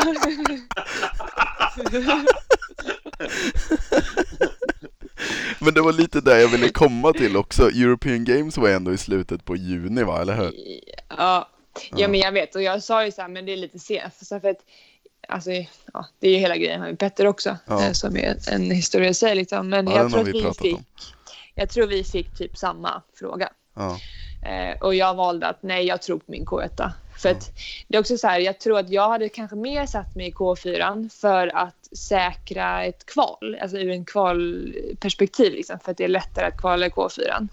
Och då tyckte inte jag att det var schysst heller. Eh, för då är det ju så här, jag gör ju bara av egoistiska skäl. Eh, inte för att jag vill köra K4 på VM. Liksom. Och hade jag fått frågan tidigare och vi hade testat K4 och det känns bra, då hade det kanske varit en annan situation. Men nu var det mer så här, ja, man tvivlar ju självklart hela tiden på sig själv att ska det gå eller inte. Jag var inte i final i, i Minsk och så här. Mm. Eh, så det är klart att jag där då hade kunnat bara, ah, fan, jag hoppar in i K4. Det kommer säkert funka. Men eh, ja, hur som helst så sa jag nej till det där och då. För att jag kände att det var så här, vill du eller vill du inte? Och så sa så här, ah, men om jag måste bestämma mig nu så vill jag inte. Eh, sen visste inte jag att man kunde ändra sig två veckor innan. det fanns en sista chansen. ja, precis. Det måste vi typ. få höra. Vad är din bild av den situationen? Hur det påverkade laget? Även ja, med Petters, Petter då som hamnade i samma sitt som dig fast valde en liten annorlunda väg om man säger så. Då. Ja, alltså det, jag tycker att det påverkar alltså laget och jag tycker att det påverkar liksom seri, alltså seriositeten i landslaget. Mm. Hur man kan ja, välja och vraka och eh, hur liksom, vissa människor, men säg då att eh, nu kändes det som att typ jag och Petter hade kunnat påverka allting. Mm. Eh, hur alla i landslaget ska få köra. För jag var så här, jaha, jag sa det till, eller jag ställde frågan också till Peken att om jag då på, när Petter hoppat ut precis, hade jag precis då kunnat hoppa in i en K4? Mm. Och när är man liksom säker på sin plats och vad man ska köra på VM? Jag tycker att det, ja, jag tycker inte att man kan göra så. Jag tycker att det borde få konsekvenser om man väljer att ja, men, först kickar man ut någon och sen så, alltså man leker ju med folks satsningar. Alltså alla i landslaget satsar lika mycket. Sen så har jag och Petter lyckats väldigt bra de senaste åren och alltså så här, men det är ju inte så att det gör, ger oss någon rätt till att bestämma över alla liksom och mm. kunna så. Peken bränner ju sitt eget förtroende lite hos laget i stort genom att ge den möjligheten också. Det måste ju, det måste ju vara en ganska konstig situation för laget i sin helhet bara när ni får frågan där redan i juni. Liksom, att ah, men nu har vi satsat på hela gänget här ett par år men, men vi, kan vi hitta en nödlösning så tar vi den. Eh, mm. Det blir lite märkligt. Ja. Jo, men det kan jag också tycka. Eh, sen så är det väl bra att man får frågan, men den borde kanske kommit... Eller så här, det vi borde kanske visat intresse tidigare. Mm. Och hade vi visat intresse tidigare då hade vi kunnat vara aktuella för det. För vi har ju kört uttagningarna på samma sätt. Eh, eller inte, inte, vi har inte kört någon besättningslopp så egentligen så borde det inte vara en möjlighet. Liksom. Så ja, nej, det har ju varit lite... Ja, jag tycker inte att det sköts helt rätt och jag förstår att det liksom... Eh, blir, det påverkar dels Skavfröja men jag kan tycka att det påverkar hela laget. Eller jag blir väldigt påverkad. Mm. Och det tror inte jag Peken i början förstod heller. Att det inte bara är de tre berörda som dessutom typ kanske säger att det är helt lugnt för att de ska två veck- om två veckor sätta sig i en båt på VM och måste acceptera läget att Petter kommer inte köra vad som än händer. Eh, och måste kanske bara liksom, se det från positiv sida och anpassa sig efter situationen och göra liksom, det bästa av det. Men eh, nej, jag tyckte att det, jag och jag vet att de, alltså många andra säger också att det påverkar och att man men framförallt så vill jag att det ska vara en öppen kommunikation och från början så var det väl inte ens eh, något möte planerat att informera alla om det och så här. Så jag tycker inte att det sköttes helt bra och det har jag ju informerat till Peken och landslaget och det är liksom inte så att jag tycker att de är dåliga, att allt är dåligt men jag tycker att just det har, att det sköttes lite dåligt. Mm. Ja, det finns mycket brister i det och det har vi ju vädrat i podden här tidigare med. Eh, Men det tåls att Mm. göras igen. Det är inget snack om Ja. den saken. Nej, och man gör ju misstag så det är väl bara att man får men skaffa tydliga ramar liksom för hur sådana processer ska gå till och hur det ska sådär. De där misstagen börjar ju samlas på en hög kan jag känna. Men, ja. Ja. ja, Frågan är när tornet, eller när högen välter. ja, precis. Vägen rinner över för Jesper. ja. Innan han tar över alltihopa själv. ja, när kliver du in Jesper? Ja, jag vet inte. Jag bara väntar ju på frågan. Nej, Vi väntar på ett hyfsat bra erbjudande. all, all, alla som lyssnar på podden tycker jag är världens största pessimist. Jag skulle aldrig få en sån fråga. Det är väl junior, är det inte massa la- landslagsuppdrag på G inför nästa år? Ja, det kanske finns att välja och vraka på. Ja. Det brukar ju finnas något ungdomslandslag man kan få ta, U21 eller sådär. Ja, vi, vi får ställa upp för kanotsportens bästa. Vi, vi finns tillgängliga beroende på vilka erbjudanden vi får. Ja, precis. Jesper kommer göra ett hyfsat bra jobb. Ja, fy fasen. Eh, men vi, vi hade ju lite fler lyssnarfrågor där. Eh, Fabbe, Mm. ska du linda in lite där vi, vi fick eh, Ja. några? Nu ska vi Ja. spåra in lite här på dina lopp, Linnea då. Mm. Ja, eh, då fick vi från, eh, ja det var från Danny Halmén, det kan vi väl säga. Ja, det, ja men han, det tycker jag ger en liten extra touch till det hela. ja. Okej. Eh, att det är en profil. Men eh, han gissade att du hade det tufft eh, efter 200 semin, så egentligen hur gick känslorna både innan och direkt efter 200 meters semifinalen? Ehm, ja, alltså direkt innan så var det som att eh, ja, faktiskt så, så hade jag svårt att, eller jag kom lite ur, ur fokus. eh, vilket inte brukar vara ett bra tecken. Eh, för det var som att jag fokuserade mycket på, eller jag var väldigt medveten om min omgivning liksom. Så var det en kille som eh, typ har följt både mig och Moa på Instagram i eh, ja, ett år och liksom kommenterar, Amin heter han. Han kommenterar på alla stories, liksom kommenterar och så här You're my hero, you're beautiful, la la la la. Ja, och sen så helt plötsligt från ingenstans så paddlar jag så i min bana och ska typ göra en ökning. Och då kommer han mitt emot mig. Och Var det en säger- kanotist? Ja, det är en kanotist från, okej. ja vad, jag vet inte, i Iran tror jag kanske det är. Ja. ja, är det han som har världens längsta efternamn? Amin Bodagdagde någonting. Ja. Mm. Ja. Ja. Han i alla fall kom i, mitt, i min bana så typ så här åtta minuter innan min start och bara good luck. Ja, och jag, vill så här, jag, alltså jag tycker liksom inte att typ en kvart innan man ska starta, alltså då är det så här, man pratar inte med någon om man ser att den fokuserar. VM gör man ju inte. Nej. Eh, och jag känner mig bara så här, jag känner mig väldigt liksom, alltså att han trängde sig in på min liksom, mitt space och det är så här, man ska ju absolut kunna fokusera bort sånt. Eh, och det var väl så här, jag försökte att bara ignorera det. Sen så, för då svarade inte jag på det här good luck för att jag laddade och sen så kom jag, han en gång till på samma sätt i min bana. Jag känner mig så här, han paddlar inte här för att han värmer upp här utan han paddlar här för att komma liksom i närheten av mig om man ska säga. Jag tänker Eh. de som är i banan, det är väl bara just de som ska köra de här semifinalerna? Ja, och sen så killarna ska ju köra efter oss. Jag antar Ja. att han här, så, här, så det var väl något sånt. Eh, men de så här, det, jag liksom, alltså det var väl att det var just han, eller det var väl inte att det var just han. Det var väl mer att jag inte kunde, alltså att saker runt omkring mig störde mig liksom. Ja. Eh, så att, och ibland så är det ju svårt att hamna i det så att man, man dras mellan att fokusera till att vara medveten om någonting annat och sen så liksom fastnar du i bara en så här rundgång. Liksom. Mm. Eh, men sen så kändes det väl egentligen helt bra i, eh, eller ja, alltså jag var ju taggad på att köra sådär. Eh, så att det var typ de tankarna som var innan, eh, som alltid är liksom. Men det, det vet jag att jag störde mig på. Eh, sen så man kan ju inte vara så här, det var Amin från Irans fel att jag inte är kvar. Alltså, det är en orimlig grej. Men det var de känslorna innan och sen så direkt efter så var väl bara känslan att jag, att jag kände att det var sjukt tajt.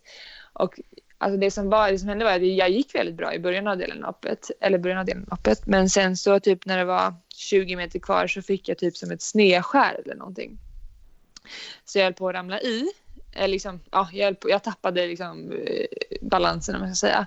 Och då när man har så mycket syra och är helt stum så tappar man väldigt far, mycket fart på det. Så att efter loppet så var det väl typ den, de metrarna jag tänkte på. Bara fuck, det där lär ha sabbat min chans liksom. Ja, och sen så låg jag ju bara där och hoppades och hoppades på att det skulle gå ändå. Men så gick Jag det såg det att du paddlade fram mot den här eh, resultattavlan där. Mm. Ja, det syntes Ja, rätt det tydligt från läktaren att du låg länge, länge, länge, länge och väntade där ute. Ja, men det värsta som, speciellt när radion står där uppe på land. Mm. Det värsta som finns är typ att komma upp och inte veta. Alltså, var kom du? Man bara, ja, ingen aning. Mm.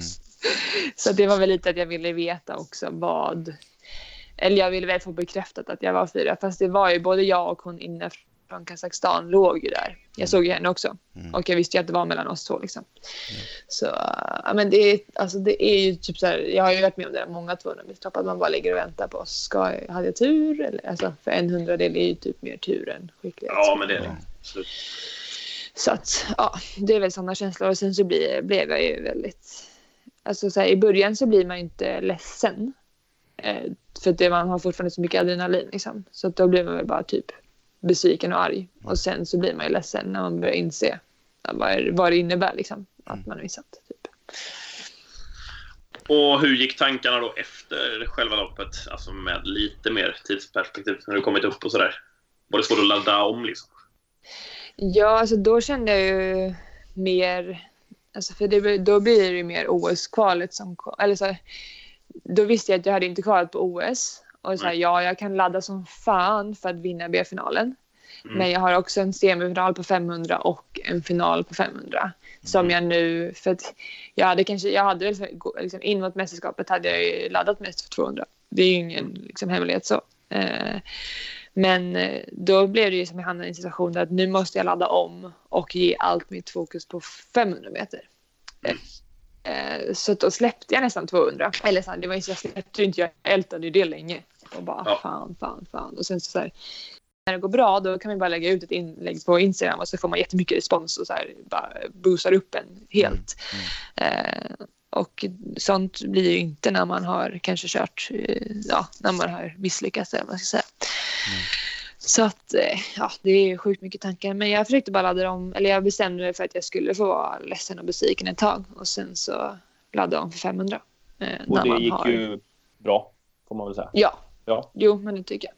Och sen gick det ju bra i B-finalen på 200 också. För det var ju så här, då, gick, då gick jag bara ut. Jag hade typ, ja men jag hade värmt upp lite på land liksom. Men jag kände att jag ska inte lägga någon mental energi och inte så mycket liksom eh, fysisk. Eller jag ska inte gå ut på vattnet, gå upp i ottan liksom för att gå ut på en dubbel uppvärmning och vara ute i värmen och så. Så att jag, ja, jag gjorde ju det jag kunde när jag väl körde loppet. Men förberedelserna var inte så optim, liksom, så som jag brukar göra en vanlig dag. Och hade det bara varit ett vanligt VM så hade jag förmodligen laddat. Men i och med att OS-kvalet var där och att, jag kände att det är så viktigt med 500 meter. Och, ja, så då blev det det som fick fokus. Liksom. Men sen så gick det ju ändå bra i B-finalen så det, var, det var riktigt kul. Ett meddelande till alla barn som lyssnar där ute. Värm inte upp. det ger ju ingenting uppenbarligen. Dåliga förberedelser, ah. det är bättre. ja men ibland, jag tror att, jag tror att det kan ta bort eh, liksom eh, press eller vad man ska säga. Alltså mm. om man eh, kämpar med sånt och att man kan känna, ja men så här, man kan ju inte över, alltså man kan ju inte sällan överpresterar man ju liksom bara för att man laddar mer. Du mm. kommer ju inte höja dig bara för att du värmer upp i två timmar. Du kommer snarare trötta ner dig. Mm. Så att, men lite, lite måste man värma upp, lite värmde jag upp också. Absolut. Jag tror väl så här att man ska ju alltid värma upp till en viss grad så kroppen är igång. Däremot så kan det ju vara bra att inte skapa sig sådana här alltså så här, rutiner som blir för fasta, att man alltid gör samma grej. För då kommer man ju bli så fruktansvärt knäckt när, man, när någonting råkar störa. Som där du sa att liksom, ja men om du alltid vill vara tyst de sista 15 minuterna inför ett lopp och sen kommer någon och säger hej så är allting rubbat liksom. Om man mm. inte har den rutinen utan att man ja, men man tjoar och simmar lite ibland och ibland är man jättefokuserad så här, då, då är man ju kanske inte lika påverkningsbar för yttre omständigheter om man inte har så fasta rutiner kring uppladdningen mentalt. Så. Nej, verkligen.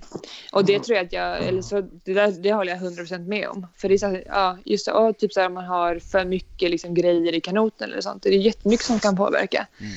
Det är mycket, vet du, ibland lyssna på musik, ibland vill jag inte lyssna på musik. Och ibland så här, ja, det är väl, det är väl väldigt klokt att bara ha olika, inte fastna i sånt där. Så att, eh, nu ska jag förbereda mig för att Armin kan komma där också på min ja, bana. Exakt. Ska han med på för-OS nu bara för att psyka dig lite så du är beredd inför nästa år? ja, kanske. Vi får starta en så insamling på Facebook eller någonting. Armin till ja. Tokyo bara för att hjälpa Linnea. Ja. Ja, men han har ju frågat mig om så här, att han vill typ flytta till Sverige om jag kan hjälpa honom med så här, äh, alltså komma hit liksom in, äh, ja, hur han ska göra med ja. hela processen. Så jag bara känner så här, Nej. Har du alltså, inget gästrum jag... du kan lösa? Nej, jag känner inte att jag har det. det är skillnad på att liksom, någon gillar ens grejer och svarar på ens händelse på Instagram till att man ska bli sambos. ja, precis. Du kan flytta in. Ja. Ja men det är bra. Eh, vi hade väl lite, alla frågorna från Danny här bakar ihop lite med varandra. Men det var lite en fråga till som var relevant här som vi inte ja, redan benämnt har vi ju. Det var, vet du om det är några lärdomar från VM eller detaljer som du vill förbättra till nästa år och i så fall vad? Är det liksom någonting som du kommer ta med dig från detta VM som du kommer kunna göra annorlunda nästa gång? Alltså, alltså jag tror så här, man får alltid erfarenheter av alla lopp man kör och alla mästerskap liksom. Men man kan liksom inte säga exakt vad och de sakerna kommer liksom inte vara exakt på samma sätt nästa år.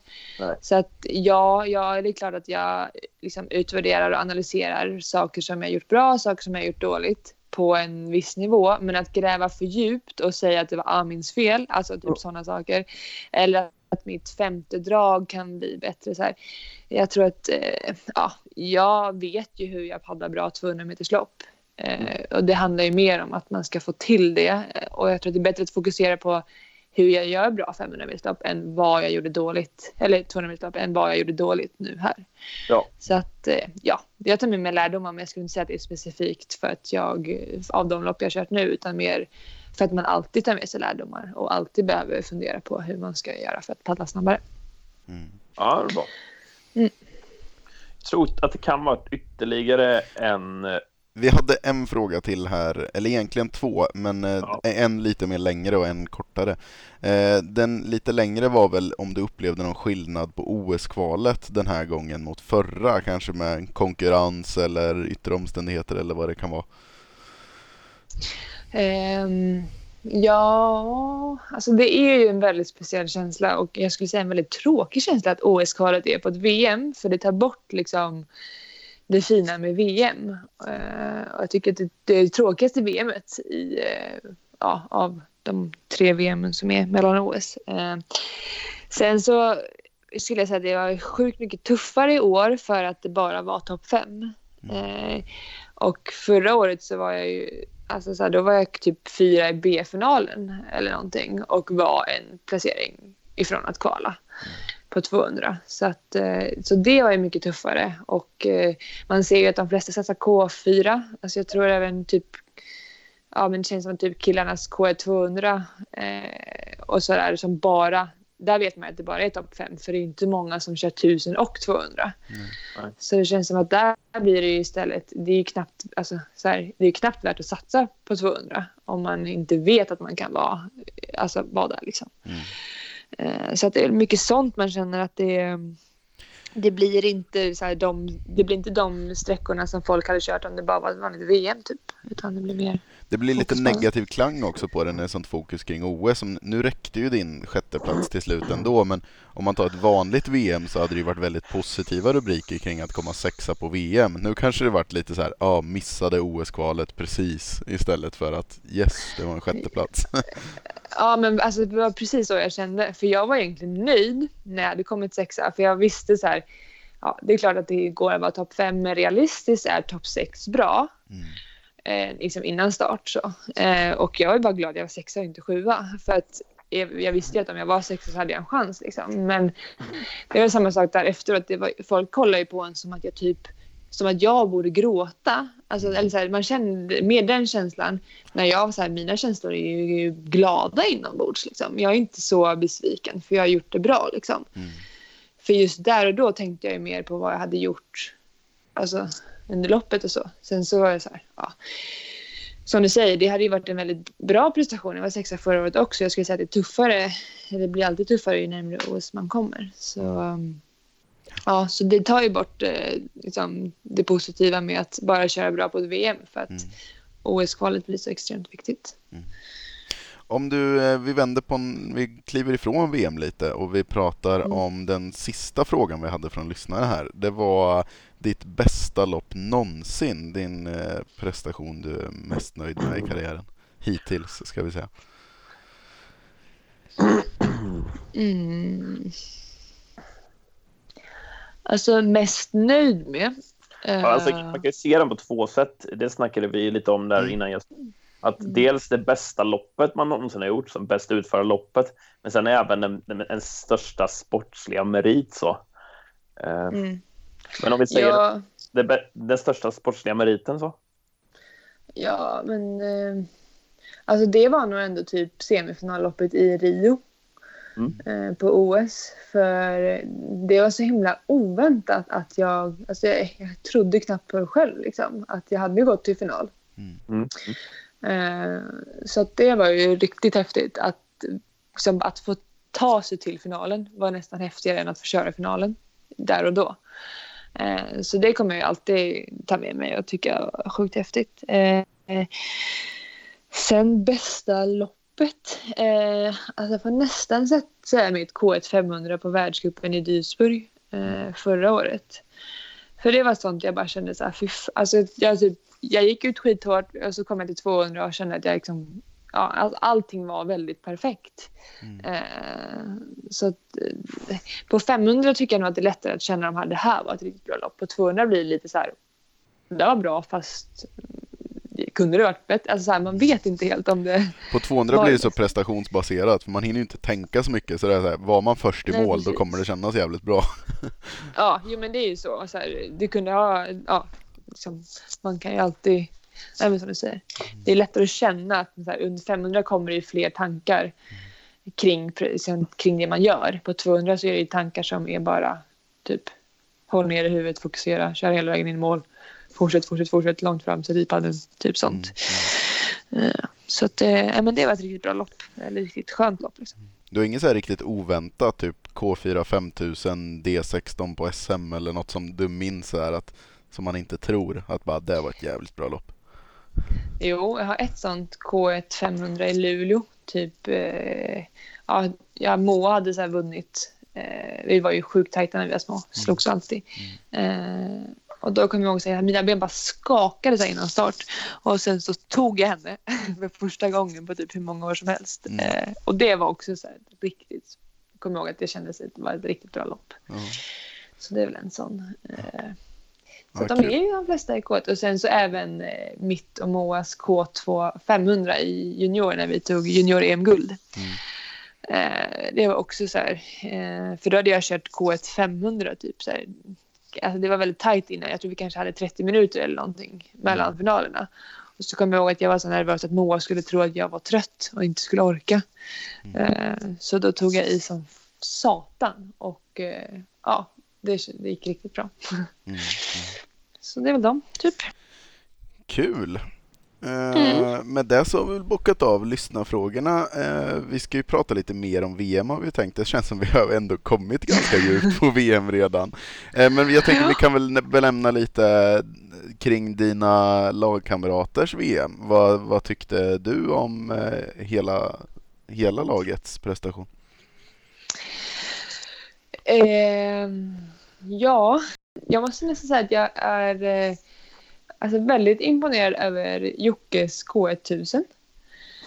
Eh, jag tyckte att han körde väldigt bra där. Mm, var förvånad att han körde så. Alltså att han, ja, jag tyckte han körde riktigt bra. Eh, och även 5000 då, men där känns det mer som att han eh, ja, att man har förväntat sig, eller inte förväntat sig, men när man har sett på slutet att han är väldigt duktig och har man lite tur så kan han köra riktigt bra. Eh, sen tycker jag att eh, Petter också var förvånansvärt eh, bra. Jag trodde inte att han skulle liksom, ha lika mycket att eh, göra i finalen. Han gick ju precis till semifinal så att det var ju kul att se att han fick till i finalen.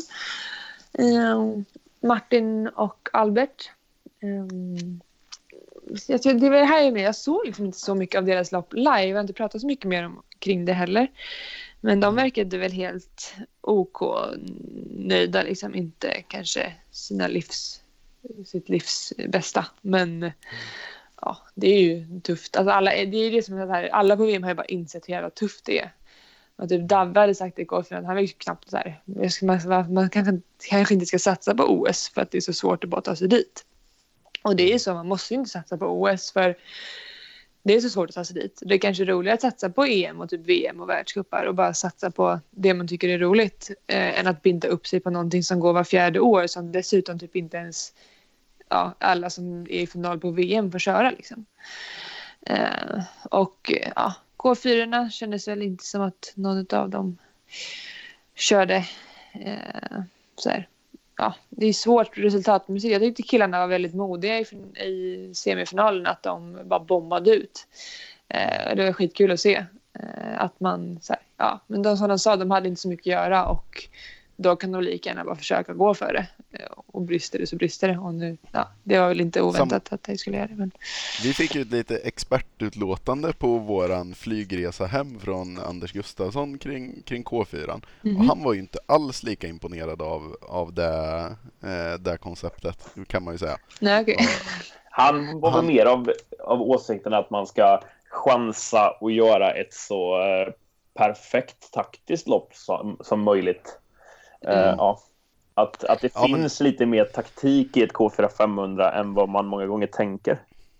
Mm. Ja, men det tror jag absolut. Men jag kände bara så här att de har typ inte hunnit, alltså så här, ja, det kändes bara lite som att, men låt dem gå och så få lite tv alltså så här, vara ja. med. Och känna I deras på fall var det liksom. nog svårt att veta vad som var det optimala dessutom. Det var ju som du Precis. säger, de hade inte så mycket lopp och, och utvärderingar och splittider och med sig i, i ryggen. Liksom. Nej, mm. nej, men sen så insåg väl de, eller så de, ja. Man, man, jag trodde ju inte att det skulle hålla, men det är ändå så här, ja. Det kanske var det roligaste för dem, eller vad man ska säga. Att eh, de ändå mm. var med och sen, ja så. Jag vet inte. Det, ja. ja. men det blir lite rubbat resonemang det där, för jag, jag, kan ju hålla med om att jag gillar ju generellt sett också att just det här att gå ut och chansa lite. Mm. Men, men det blir ju mycket så här efteråt, alla säger liksom ja ah, men vi var, vi var med första 2.50 eller ja men de var med första 2.50 men, men det är ju jävligt ointressant i slutändan ja. för att det är ju bara en dålig loppplan egentligen. Ja, jo, så är det. Men det är väl mer känslan att det är kul. Alltså att man liksom har fått Absolut men nej, det Jag hade säkert gjort likadant. Ja, men, eh, ja, men de var väl så. Det kanske inte var helt väntat att de skulle ha så stor möjlighet att gå vidare. Men, de, men samtidigt så kanske de hade haft det om de hade haft en bättre loppplan. Det vet man ju inte. Mm. Det var väl lite så Anders menade på, eller han kanske inte menade att de skulle tagit en OS-kvalplats, men, mm. men han tyckte väl lite sådär, han var väldigt eh, pedagogiskt när han förklarade sina åsikter för oss Mm. här, hur han tyckte att, att, så här, att de skulle ha förbättrat si och så många sekunder på sin tid om de hade tänkt si och så annorlunda och så. Ja. Nu är Mm. inte han insatt i deras förberedelse så, men det var intressant att bara höra en, någon som ändå är jävligt duktig på det, bara resonerade lite annorlunda att, ja, Ja, hur man hade kunnat gå tillväga för att han- optimera sin egen prestation. Han känns väl som den enda, eller en av de svenskar som faktiskt vet lite hur man paddlar K4. Eller liksom har koll. Ja. För, eh, för det kan jag känna saknas lite så här. Eller alltså nu är det väl också att de inte har fått så mycket tid tillsammans. Men det saknas lite kompetensen. Alltså, vad är det man egentligen ska göra? Eh, och det är de alla, hela, alla de kanotgruppen också liksom. Eh, ja, det är Ja, ju det- svårt att paddla K4 liksom. Det vet jag, Anders sa ju till oss där då att eh, han trodde ju, om vi liksom släpper det, om herrarna gjorde rätt eller inte, men han menade på att en, en, en, en bättre split mellan första och andra 250 här har gjort att de har kört två sekunder snabbare. Och då tänker man, Mm. om du ska bli två sekunder snabbare genom att träna upp din fysik, då får du träna många år. Kan man Ja, väl säga. gud ja. ja. Shit. Så då Ja. känns det lite dumt om man ger bort de där bitarna. Men nu, vet vi ju att alla turer med deras förberedelser och det där. Men Mm, ja, där- Nej, men det är sant. det är ju bitar som är ja, där man kan ha mer vunnet på lite kortare tid än att försöka ja, träna upp dig kanske. Men det där har ju faktiskt jag också eh, gjort eh, på 500. För att min Ja. loppplan förut var ju alltid att gå ut för hårt. Eh, Och så dör man liksom sista 200. Och det är ju det är ju jätteskön känsla att ligga i tät och bara ja det här går bra. Men när man, bör- man börjar dö sen då dör man ju liksom rejält. Eh, och det är mycket sånt som jag har. Så att säga, jag kanske inte blir så mycket bättre men att man lär sig att våga gå ner i fart och våga liksom hitta en bra marsch för att ja, men få den här splitten som du säger, att det inte ska vara så stor diff. Eh, det gör ju ännu mer än att träna. För det är ju skitsvårt att träna två sekunder, verkligen. Kanske när man har kommit upp lite och ändå har hållit på i rätt många år. Börjar närma Mm. sig lite av sin ja, toppen av sin förmåga. Mm. Mm. Men det är det som det känns som att många från andra länder är väldigt bra på. Och att de vågar, för det märker många tjejer också att Alltså jag är ju fortfarande snabb ut men det är ju för att jag dels måste utnyttja min snabbhet. Men många så här, de vågar ju ligga där bak Mm. till, liksom, s- till slutet och sen så kommer de om för de vet att eller alltså det är väl deras loppplan men det är ju liksom genialiskt att bara få så glida förbi alla. Eh, så att eh, ja, men det finns ju sen det beror på vad man är för idrottare också. Man ska hitta det som är optimalt för en själv. Finns kompetensen i ledarteamet ni har hjälp av då att, eh, att hjälpa er med de här verktygen att hitta sådana här lösningar? Att optimera sin egen prestation på ett lopp? Alltså jag, kan, jag tror att det kanske finns. Men jag kan känna att det är lite för... Eh, kanske lite för, inte för få, jo men typ för få för, på för många människor. Eh, och sen så blir det lite så här att när man tar ihop K4 och det blir sista liksom, eh, alltså man ska göra allting i sista sekund.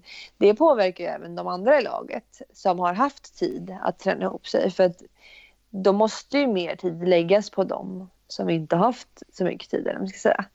Eh, så att hade man haft färre personer, det var det som jag sa med Martin förut, att inför o, sista året med o, alltså inför OS när Martin inte hade lika många så fanns det mycket mer tid att utnyttja de liksom, specialistkunskaper man ska säga, som Martin har. Eh, eller det som han är bra på och få ta del av det. För att när man är större och det blir liksom för många så blir det mer generellt. Och i det generella hade det i princip kunnat vara vem som helst som bara langar ut grejer. Liksom. Så det jag tycker är intressant med tränare det är ju när man får den här hjälpen på individnivå. När man har en, ja men som jag tycker att Åsa funkar jätte, jättebra när, vi, när det bara är hon och jag eller någon till. Men när Åsa är med på VM-läger då blir jag väldigt så här, jag vill inte ha hjälp. Dels för att jag känner att hon har för mycket att göra och men också för att jag känner att det, att det nästan blir som att jag ska få hjälp bara för att alla ska få lika mycket hjälp än att jag ska få hjälp för att jag ska få den hjälpen som jag faktiskt behöver. Mm. Och det är väl så jag tycker är lite övergripande i landslaget att det finns, liksom, det finns nog mycket kompetens och mycket att göra men det är svårt att hinna med och att komma ner till det som är intressant. För det är fortfarande liksom på någon slags basnivå. eller vad ska säga. Mm. Ja, det är ja, spännande reflektion. Mm. Men jag vet inte, jag, jag är ju också lite utanför alltså i och med att jag är K1 och har förlitat mig väldigt mycket på Åsa och så här, Orban hjälper mig mycket på tävlingar så att för mig så funkar det väldigt bra. Sen så vet ju inte jag hur det går till så mycket i besättningarna just nu. Uh, och jag, vet, jag får ju ta del lite av tjej, tjejernas och ja, på VM om man ska återgå till deras prestation så var det väl inte heller så att de, det kändes inte som att de fick till det helt i K4 så som de hade velat. Eh, eller det de kan. Men har de, har de då hjälpen från ledarna där att liksom styra i rätt riktning så att de kommer överens och kämpar mot samma saker och liksom får en bra kemi att paddla fort ihop då? Nej, alltså det är inte, inte just det med kemin. Och det är väl det som är svårare med tjejer och killar. Att killar känns som att de bara kan så acceptera vissa lägen och bara så här, göra lite mer. Och sen så... Eh, men jag tror att tjejer, jag vet, jag, vi var ju tjej, en tjej K4 också, att det blir mer så små intriger och små, man är liksom inte lika öppen och lika rak. Eh, även fast man kanske be, man behöver vara det, men man är inte förrän det är lättare att liksom gå och säga någonting bakom ryggen eller liksom dra någon så kommentar som man inser att det där var till mig men jag kan liksom inte mm. riktigt svara på den för det var inte direkt till mig. Alltså här, mm. Det blir mer liksom så här, mentalt spel och liksom olika ja, intriger så. Så att eh, jag vet inte, sen så ska inte jag, jag har inte varit med i hela den processen men man märker att det finns, och jag vet att i tjejlag överlag, alltså det är Australiens K4 och sånt också, de kan ju också gå liksom man hör någonting från någon och sen så hör man någonting från någon annan. Så att tjejer är liksom lite mer luriga tror jag, eh, än killar. Men, eh, men de fick väl inte helt till det. Sen så var det också så att de inte hade så mycket tid och Moa och Melina i K2 var väl ändå bra. Eh, sen så ville de väl såklart också kvala men sett ur VM så var det ingen dålig prestation så skulle jag inte säga.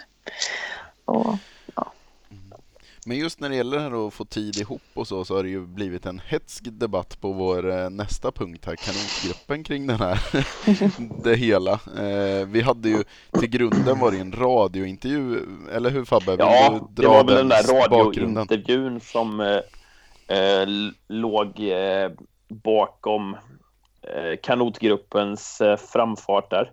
Och det, det började med en, att radion intervjuade jag vet inte om det var Erik Sandbacka de intervjuade först, men det var klippet med Erik Sandbacka som kom ut först på, mm. på sändningen där. Mm. Där han ju var lite granna... Nu är det ju så, det är klart att eh, radion ställer ju frågorna för att få en viss typ av svar. Ja. Och, och, det fick de ju också. Eh, de fick en motorsåg utan dess like. Ja, de fick en Erik Sandbacka och dra igång en bensindriven motorsåg. Det var eh, ganska kritiskt till... Eh, ja, de lyckas få honom till att tidigt säga i alla fall att ja, det är de första loppen vi gör tillsammans. Mm. Det stämmer ju. Det stämmer ju. Det, ja. det är så. Men att, att han var kritisk till att det hade blivit så. Och mm. att situationen att att gör man sitt första lopp tillsammans på VM eh, så, är det, så är förberedelserna inte optimala och att förberedelserna inte hade varit optimala på något sätt. Då. Mm. Mm. Och det ville han ju då Ja men han snirklade väl lite in det där till att lägga över ansvaret på ja, landslagsledningen. Ja, det där får ni fråga. Chansen. Ungefär var det att eh, varför det har blivit så här. Det, det, det är ju förbundet som har sett till att det har blivit så här. Och då mm. hade ju radion möjlighet att prata även med Peken då. Mm. Och här blir det ju ändå en ganska bra... Ja, ja men det, det skär sig ändå lite. Man, han får ju lite mothugg. Erik mm. var ju ändå... Man känner ju att han är inte jätteglad när han gör den intervjun. Utan det finns ändå lite... Ja, men lite eh, ilska, frustration, tankar och känslor. Och sen så ska mm. ju Peken då bemöta det hela. Eh, och då, då vet man ju inte. Linnea, du trodde ju att det hade varit eh, klippning med i det här inslaget. Ja, alltså som jag uppfattade för Karin var ju med där också på någon ja. kommentar. Yes. Mm. Och eh, lyssnar man på det, alltså sen är det ju saker som har sagts. Jag menar, radion skulle inte göra den här, in, det här in, liksom, klippet, alltså säga, reportaget om hon inte hade känt av att det var liksom, en speciell situation. Nej. Eh, men sen så kan man känna att, att det blir ju liksom hon hänger ju ut folk som kanske inte har svarat på den, alltså vetat hur hon ska lägga upp det. Eller man ska säga. Det är skillnad om man vet liksom förutsättningarna. Men eh, ja, jag tror att det har klippts lite samtidigt som att det är väl saker som ändå är rimliga och det var ingenting, det var ingenting som inte var sant. Nej. Och de kunde Nej, alltså alla talade ju sanning egentligen. Mm får man ändå säga. För ja. Peken svarade ju ändå upp kritiken från Erik med att indirekt säga att äh, ni är för dåliga ändå, så kom inte och skyll på mig liksom. Nej. Uh... Nej, exakt. Det var ju där jag kände att eh, vi fick ett lite förvånande svar från Peken. Mm. Uh, det är kanske inte riktigt så man har sett formuleringarna från, från Peken förr. För ja, nu kommer vi inte köra hela det spåret här, men det han svarar är att eh, ja, de fick kort tid på sig. Det, det erkänner han ju att de hade inget lopp i kroppen och kort tid på sig. Men att mm. det var inte det som var det stora problemet för att det var den individuella kapaciteten som inte var god nog ändå. Men då, mm. då känner jag någonstans att han lite säger emot sig själv. För om, om han nu var så övertygad om att inte nivån fanns där, varför har man då satsat på att köra? Mm. Ja. Nej. Känner jag Nej, precis. Ja, men jag kan också så här, jag vet inte om det är typ för, alltså i ett skidlandslag om man kör en stafett. Om inte den individuella nivån är tillräckligt hög, nej, nej då kan man skylla på det. Men i en K4 så finns det ju faktiskt möjlighet att höja sig. Ja, det finns ja. folk som ja. kan sitta i K4. Alltså, så det är ju verkligen inte bara så. Eh, så att jag tyckte också att det var lite förvånande att han ja, men han har ju tagit ut det själv. Liksom. Och han har lagt mm. massa tid och energi och resurser på att få ihop det. Liksom. Så att någonstans måste man ju ändå ha tänkt skulle vara bra. Liksom. Och han har ju frågat eh, om Petter vill sitta i den. Om jag vill. Alltså, så här, han har ju velat optimera den. Liksom. Så att, ja. ja, det var väl kanske, eh, jag vet inte. Ja, för det har ju ändå funnits ambitioner, ambitioner om, om det. Om, om med tanke på vilka ambitioner vi har uppfattat har funnits så var jag lite förvånad över hur, hur pass eh, eh, ja, lågt förtroende det lät som att Peken hade inför den här uppgiften sen i slutändan. Ja. Men är det inte rätt komiskt att man kan jobba i tre år, eller hur, hur länge har Peken varit nu? Det måste väl vara tre år. Att man kan mm. jobba i tre år för att få fram en K4, nu pratar jag herrlaget då, en K4 500 som ska leverera på ett OS-kval 2019. Det måste ju någonstans varit målet ända från när han anställdes från första början. Mm. Och sen kan det ändå sluta med att man kör en rysk roulette med två veckor kvar till VM för att bestämma vilka som ska köra. Det, det framstår ju inte som seriöst. Nej, och det är väl det jag blir lite less på. Alltså, och det vad jag, alltså jag vet inte, du och jag Jesper hade den eh, liksom, eh, diskussionen någon gång på någon utvärdering redan första året. Att ja. det, så det, det, blir ingen seriös, alltså det blir inte en seriös känsla i landslaget när det blir sådana här beslut hela tiden. Och vi tävlar ändå för Sverige och vi är de bästa Sverige har och vi är inte dåliga liksom internationellt. Men det blir som att man tävlar i något så här Alltså jag vet inte vad. Är det, är det verkligen landslaget? Är det så här det ska vara? Det är liksom, man blir, liksom, jag blir besviken på hur det läggs upp och hur vi upplevs. Alltså vem slänger ihop? Det är ingen annan, annat land som slänger ihop än så. Eller ja, Norge kanske gjorde det, jag vet inte. Men det är inte så man vill att det ska fungera. Speciellt inte när de först går ut med att man ska träna ihop och ska få chansen och de har haft chansen och varit på Mallorca och tränat och så här. Ja. Mm. Sen så vet jag inte, det är ju svårt landslaget. Erik var ju inte i Florida och tränade med K4. Och så här. Mm. Eh, sen så kan man ju se att det fanns inte ens någon K4-tränare med i Florida så det kanske var tur att det blev så. Alltså Men det är det jag menar, att här, hela tiden ska det vara saker som inte känns seriösa.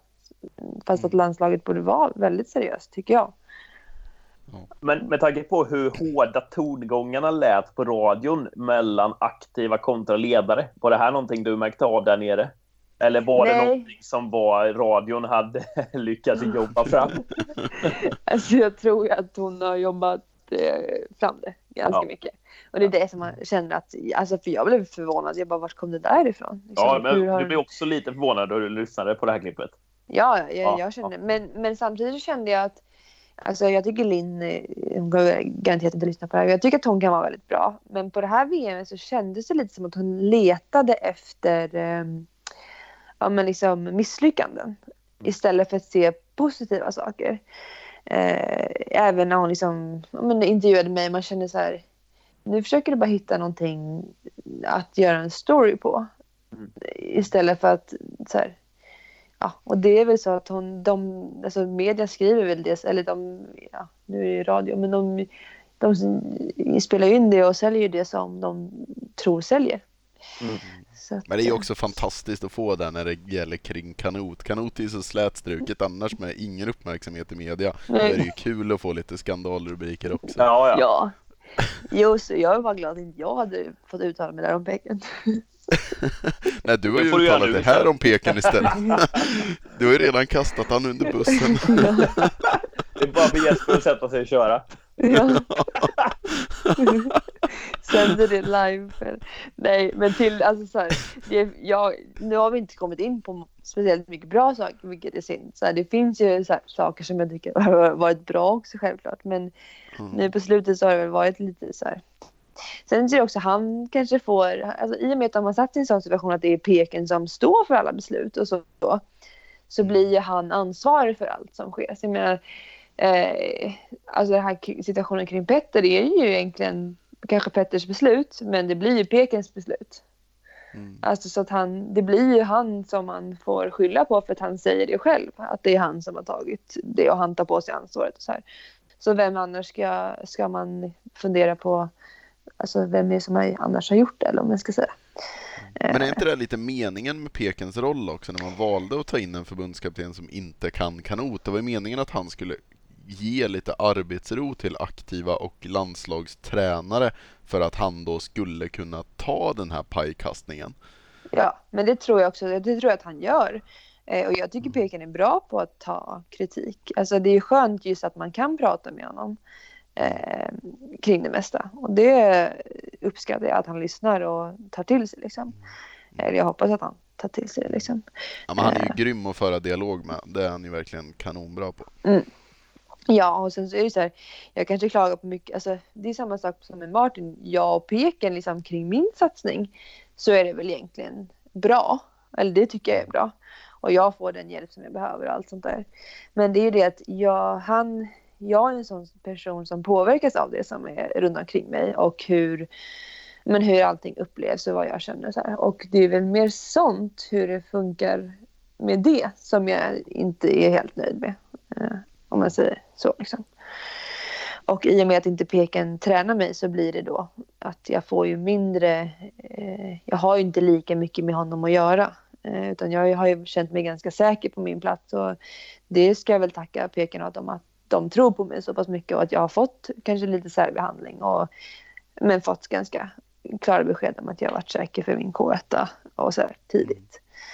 Eh, Så det uppskattar jag ju eh, ur ett egoistiskt perspektiv väldigt mycket. Men ja, just kring landslaget så är det väl vissa saker som har, det blir ju konstigt när det blir sådana där beslut liksom. Tätt in på VM. Absolut. Och det här fick ju lite uppslag även i kanotgruppen då. Eh, Mm. Vi såg att eh, Ja, det var ju den tidigare juniorkaptenen Laszlo Varga som postade hela den här eh, radiointervjun då. Och den har fått hela 102 likes och Oj, oj, 33, oj. 33 kommentarer i kanotgruppen.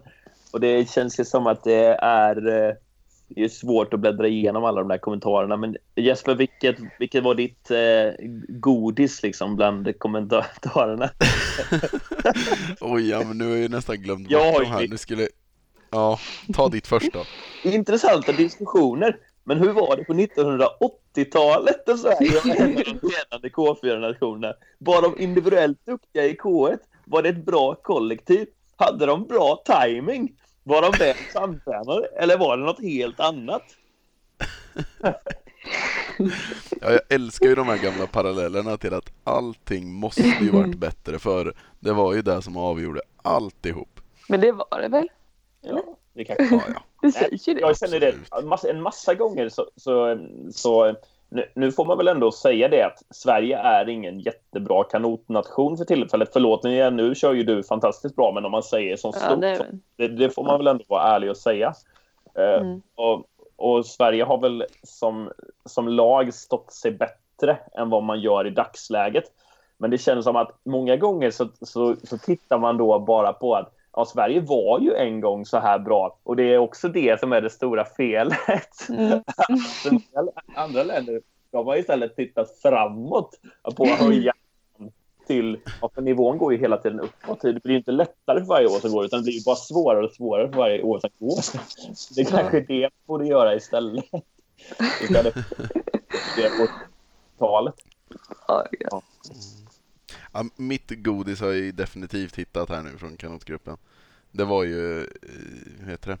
Eh, Johannes här Nilsson, som klubbkamrat till mig, som skrev att jag och Danny hade aldrig varit femma på K2 5000 på SM utan en massa samträning. På pappret är vi mycket sämre jämfört med många vi slagit. Han har ju rätt i sak, men jag tycker det är fantastiskt när vi pratar världsmästerskap eh, och OS-kval och, och vi lyckas baka in och jämföra det här med Danny och Johannes på K2 5000 Han på är SM. fullkomligt seriös också. Vi pratar liksom Ja. där det har slagits världsrekord och så här.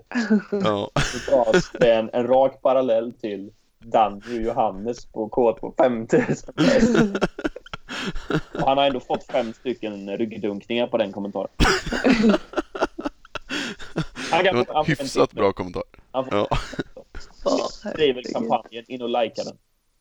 Men är det inte bara kul att folk tycker så mycket? Och sen så Jo. får man bara... Älskar det. Ja, Ja. det är ju underbart att folk kan engagera sig så mycket. Ja. Sen kanske det inte är helt rätt saker. Nej, men- för det är, det ju det är 33 medlemmar här och jag kan ju säga att det är ju det kanske inte är 33 som har skrivit, för det är några som har skrivit två gånger, men det är 25 personer som sitter på lösningen här. Jag känner ju inte till alla de här kan jag inte säga. Nej. Nej, och vi har ju säkert om någon vecka här 500 personer som sitter och nyss har lyssnat igenom eh, ja, två timmar av det här. Eh, så det, det finns ju folk som engagerar sig kring kanot. Det är kul. Ja, det är Det det. är otroligt kul. Har ni så många? Ja. Hur många lyssnare har ni? Oj, det varierar, men säg mellan, mellan 300 och 600. Ja, det är så pass. Jäklar. Ja. Vi hoppas ju på ett rekordavsnitt här nu. Absolut. Ja. Ja, vi får se då. Ja.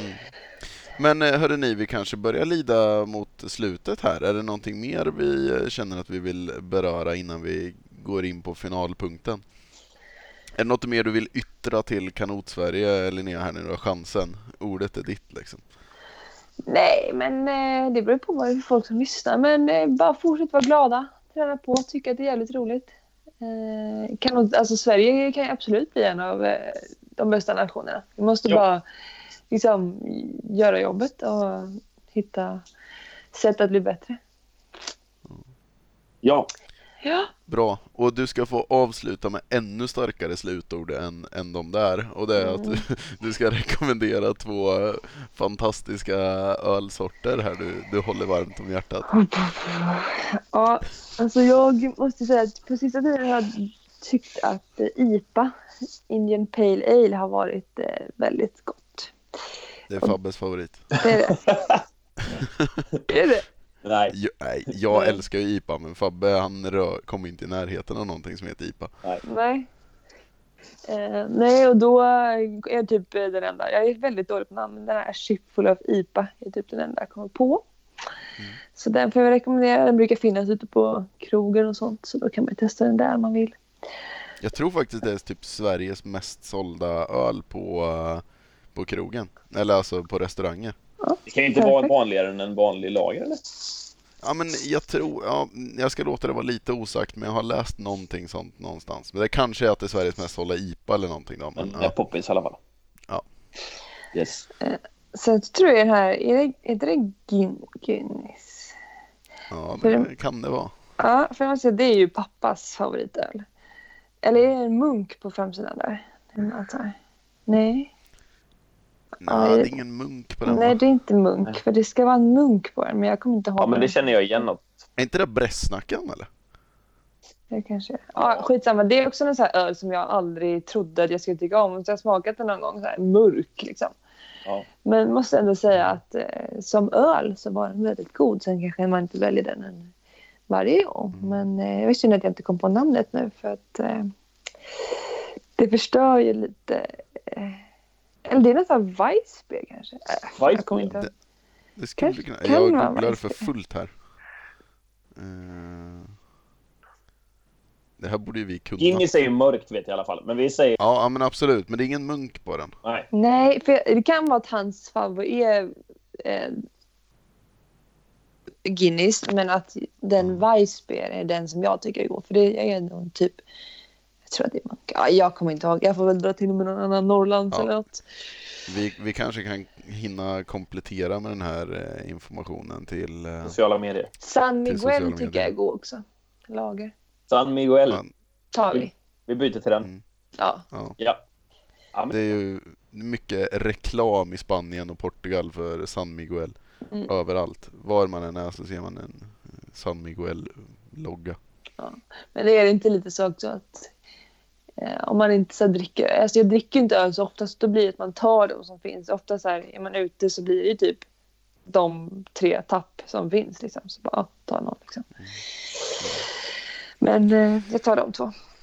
IPA Ja, det är bra. och Hörde ni, eh, vi har lyckats baka ihop ett riktigt bra avsnitt här idag tycker jag och vi ska väl tacka för oss och framförallt ska vi tacka dig Linnea för att du ville gästa oss här idag. Ja, men tack själva, det är superkul. Hoppas jag inte har sagt för mycket skit nu som jag kommer få smaka. Nej, och har du sagt för lite så får vi göra om det här igen så vi får eh, baka in lite mer. Ja, jag sitter nog på en del som jag inte vågar outa. Nej, vi, vi har ju en obligatorisk eh, timma efter inspelning här som vi, vi får bocka av så vi... Eh, är bara för premiumlyssnare då. ja, exakt. Tillsammans med de här timmarna med Jörgen. Ja, precis. Och videopodden. Ja. Vi har, vi har ett, eh, ett videoklipp här på två minuter sedan innan, så det, det håller vi på. Ja. Nu, eh, vi tackar för oss idag då. Ja, väldigt kul att du var med. Så på återseende. Tack och hej. Hej! Cerveza. Cerveza. Cerveza. Cerveza. Cerveza. Cerveza.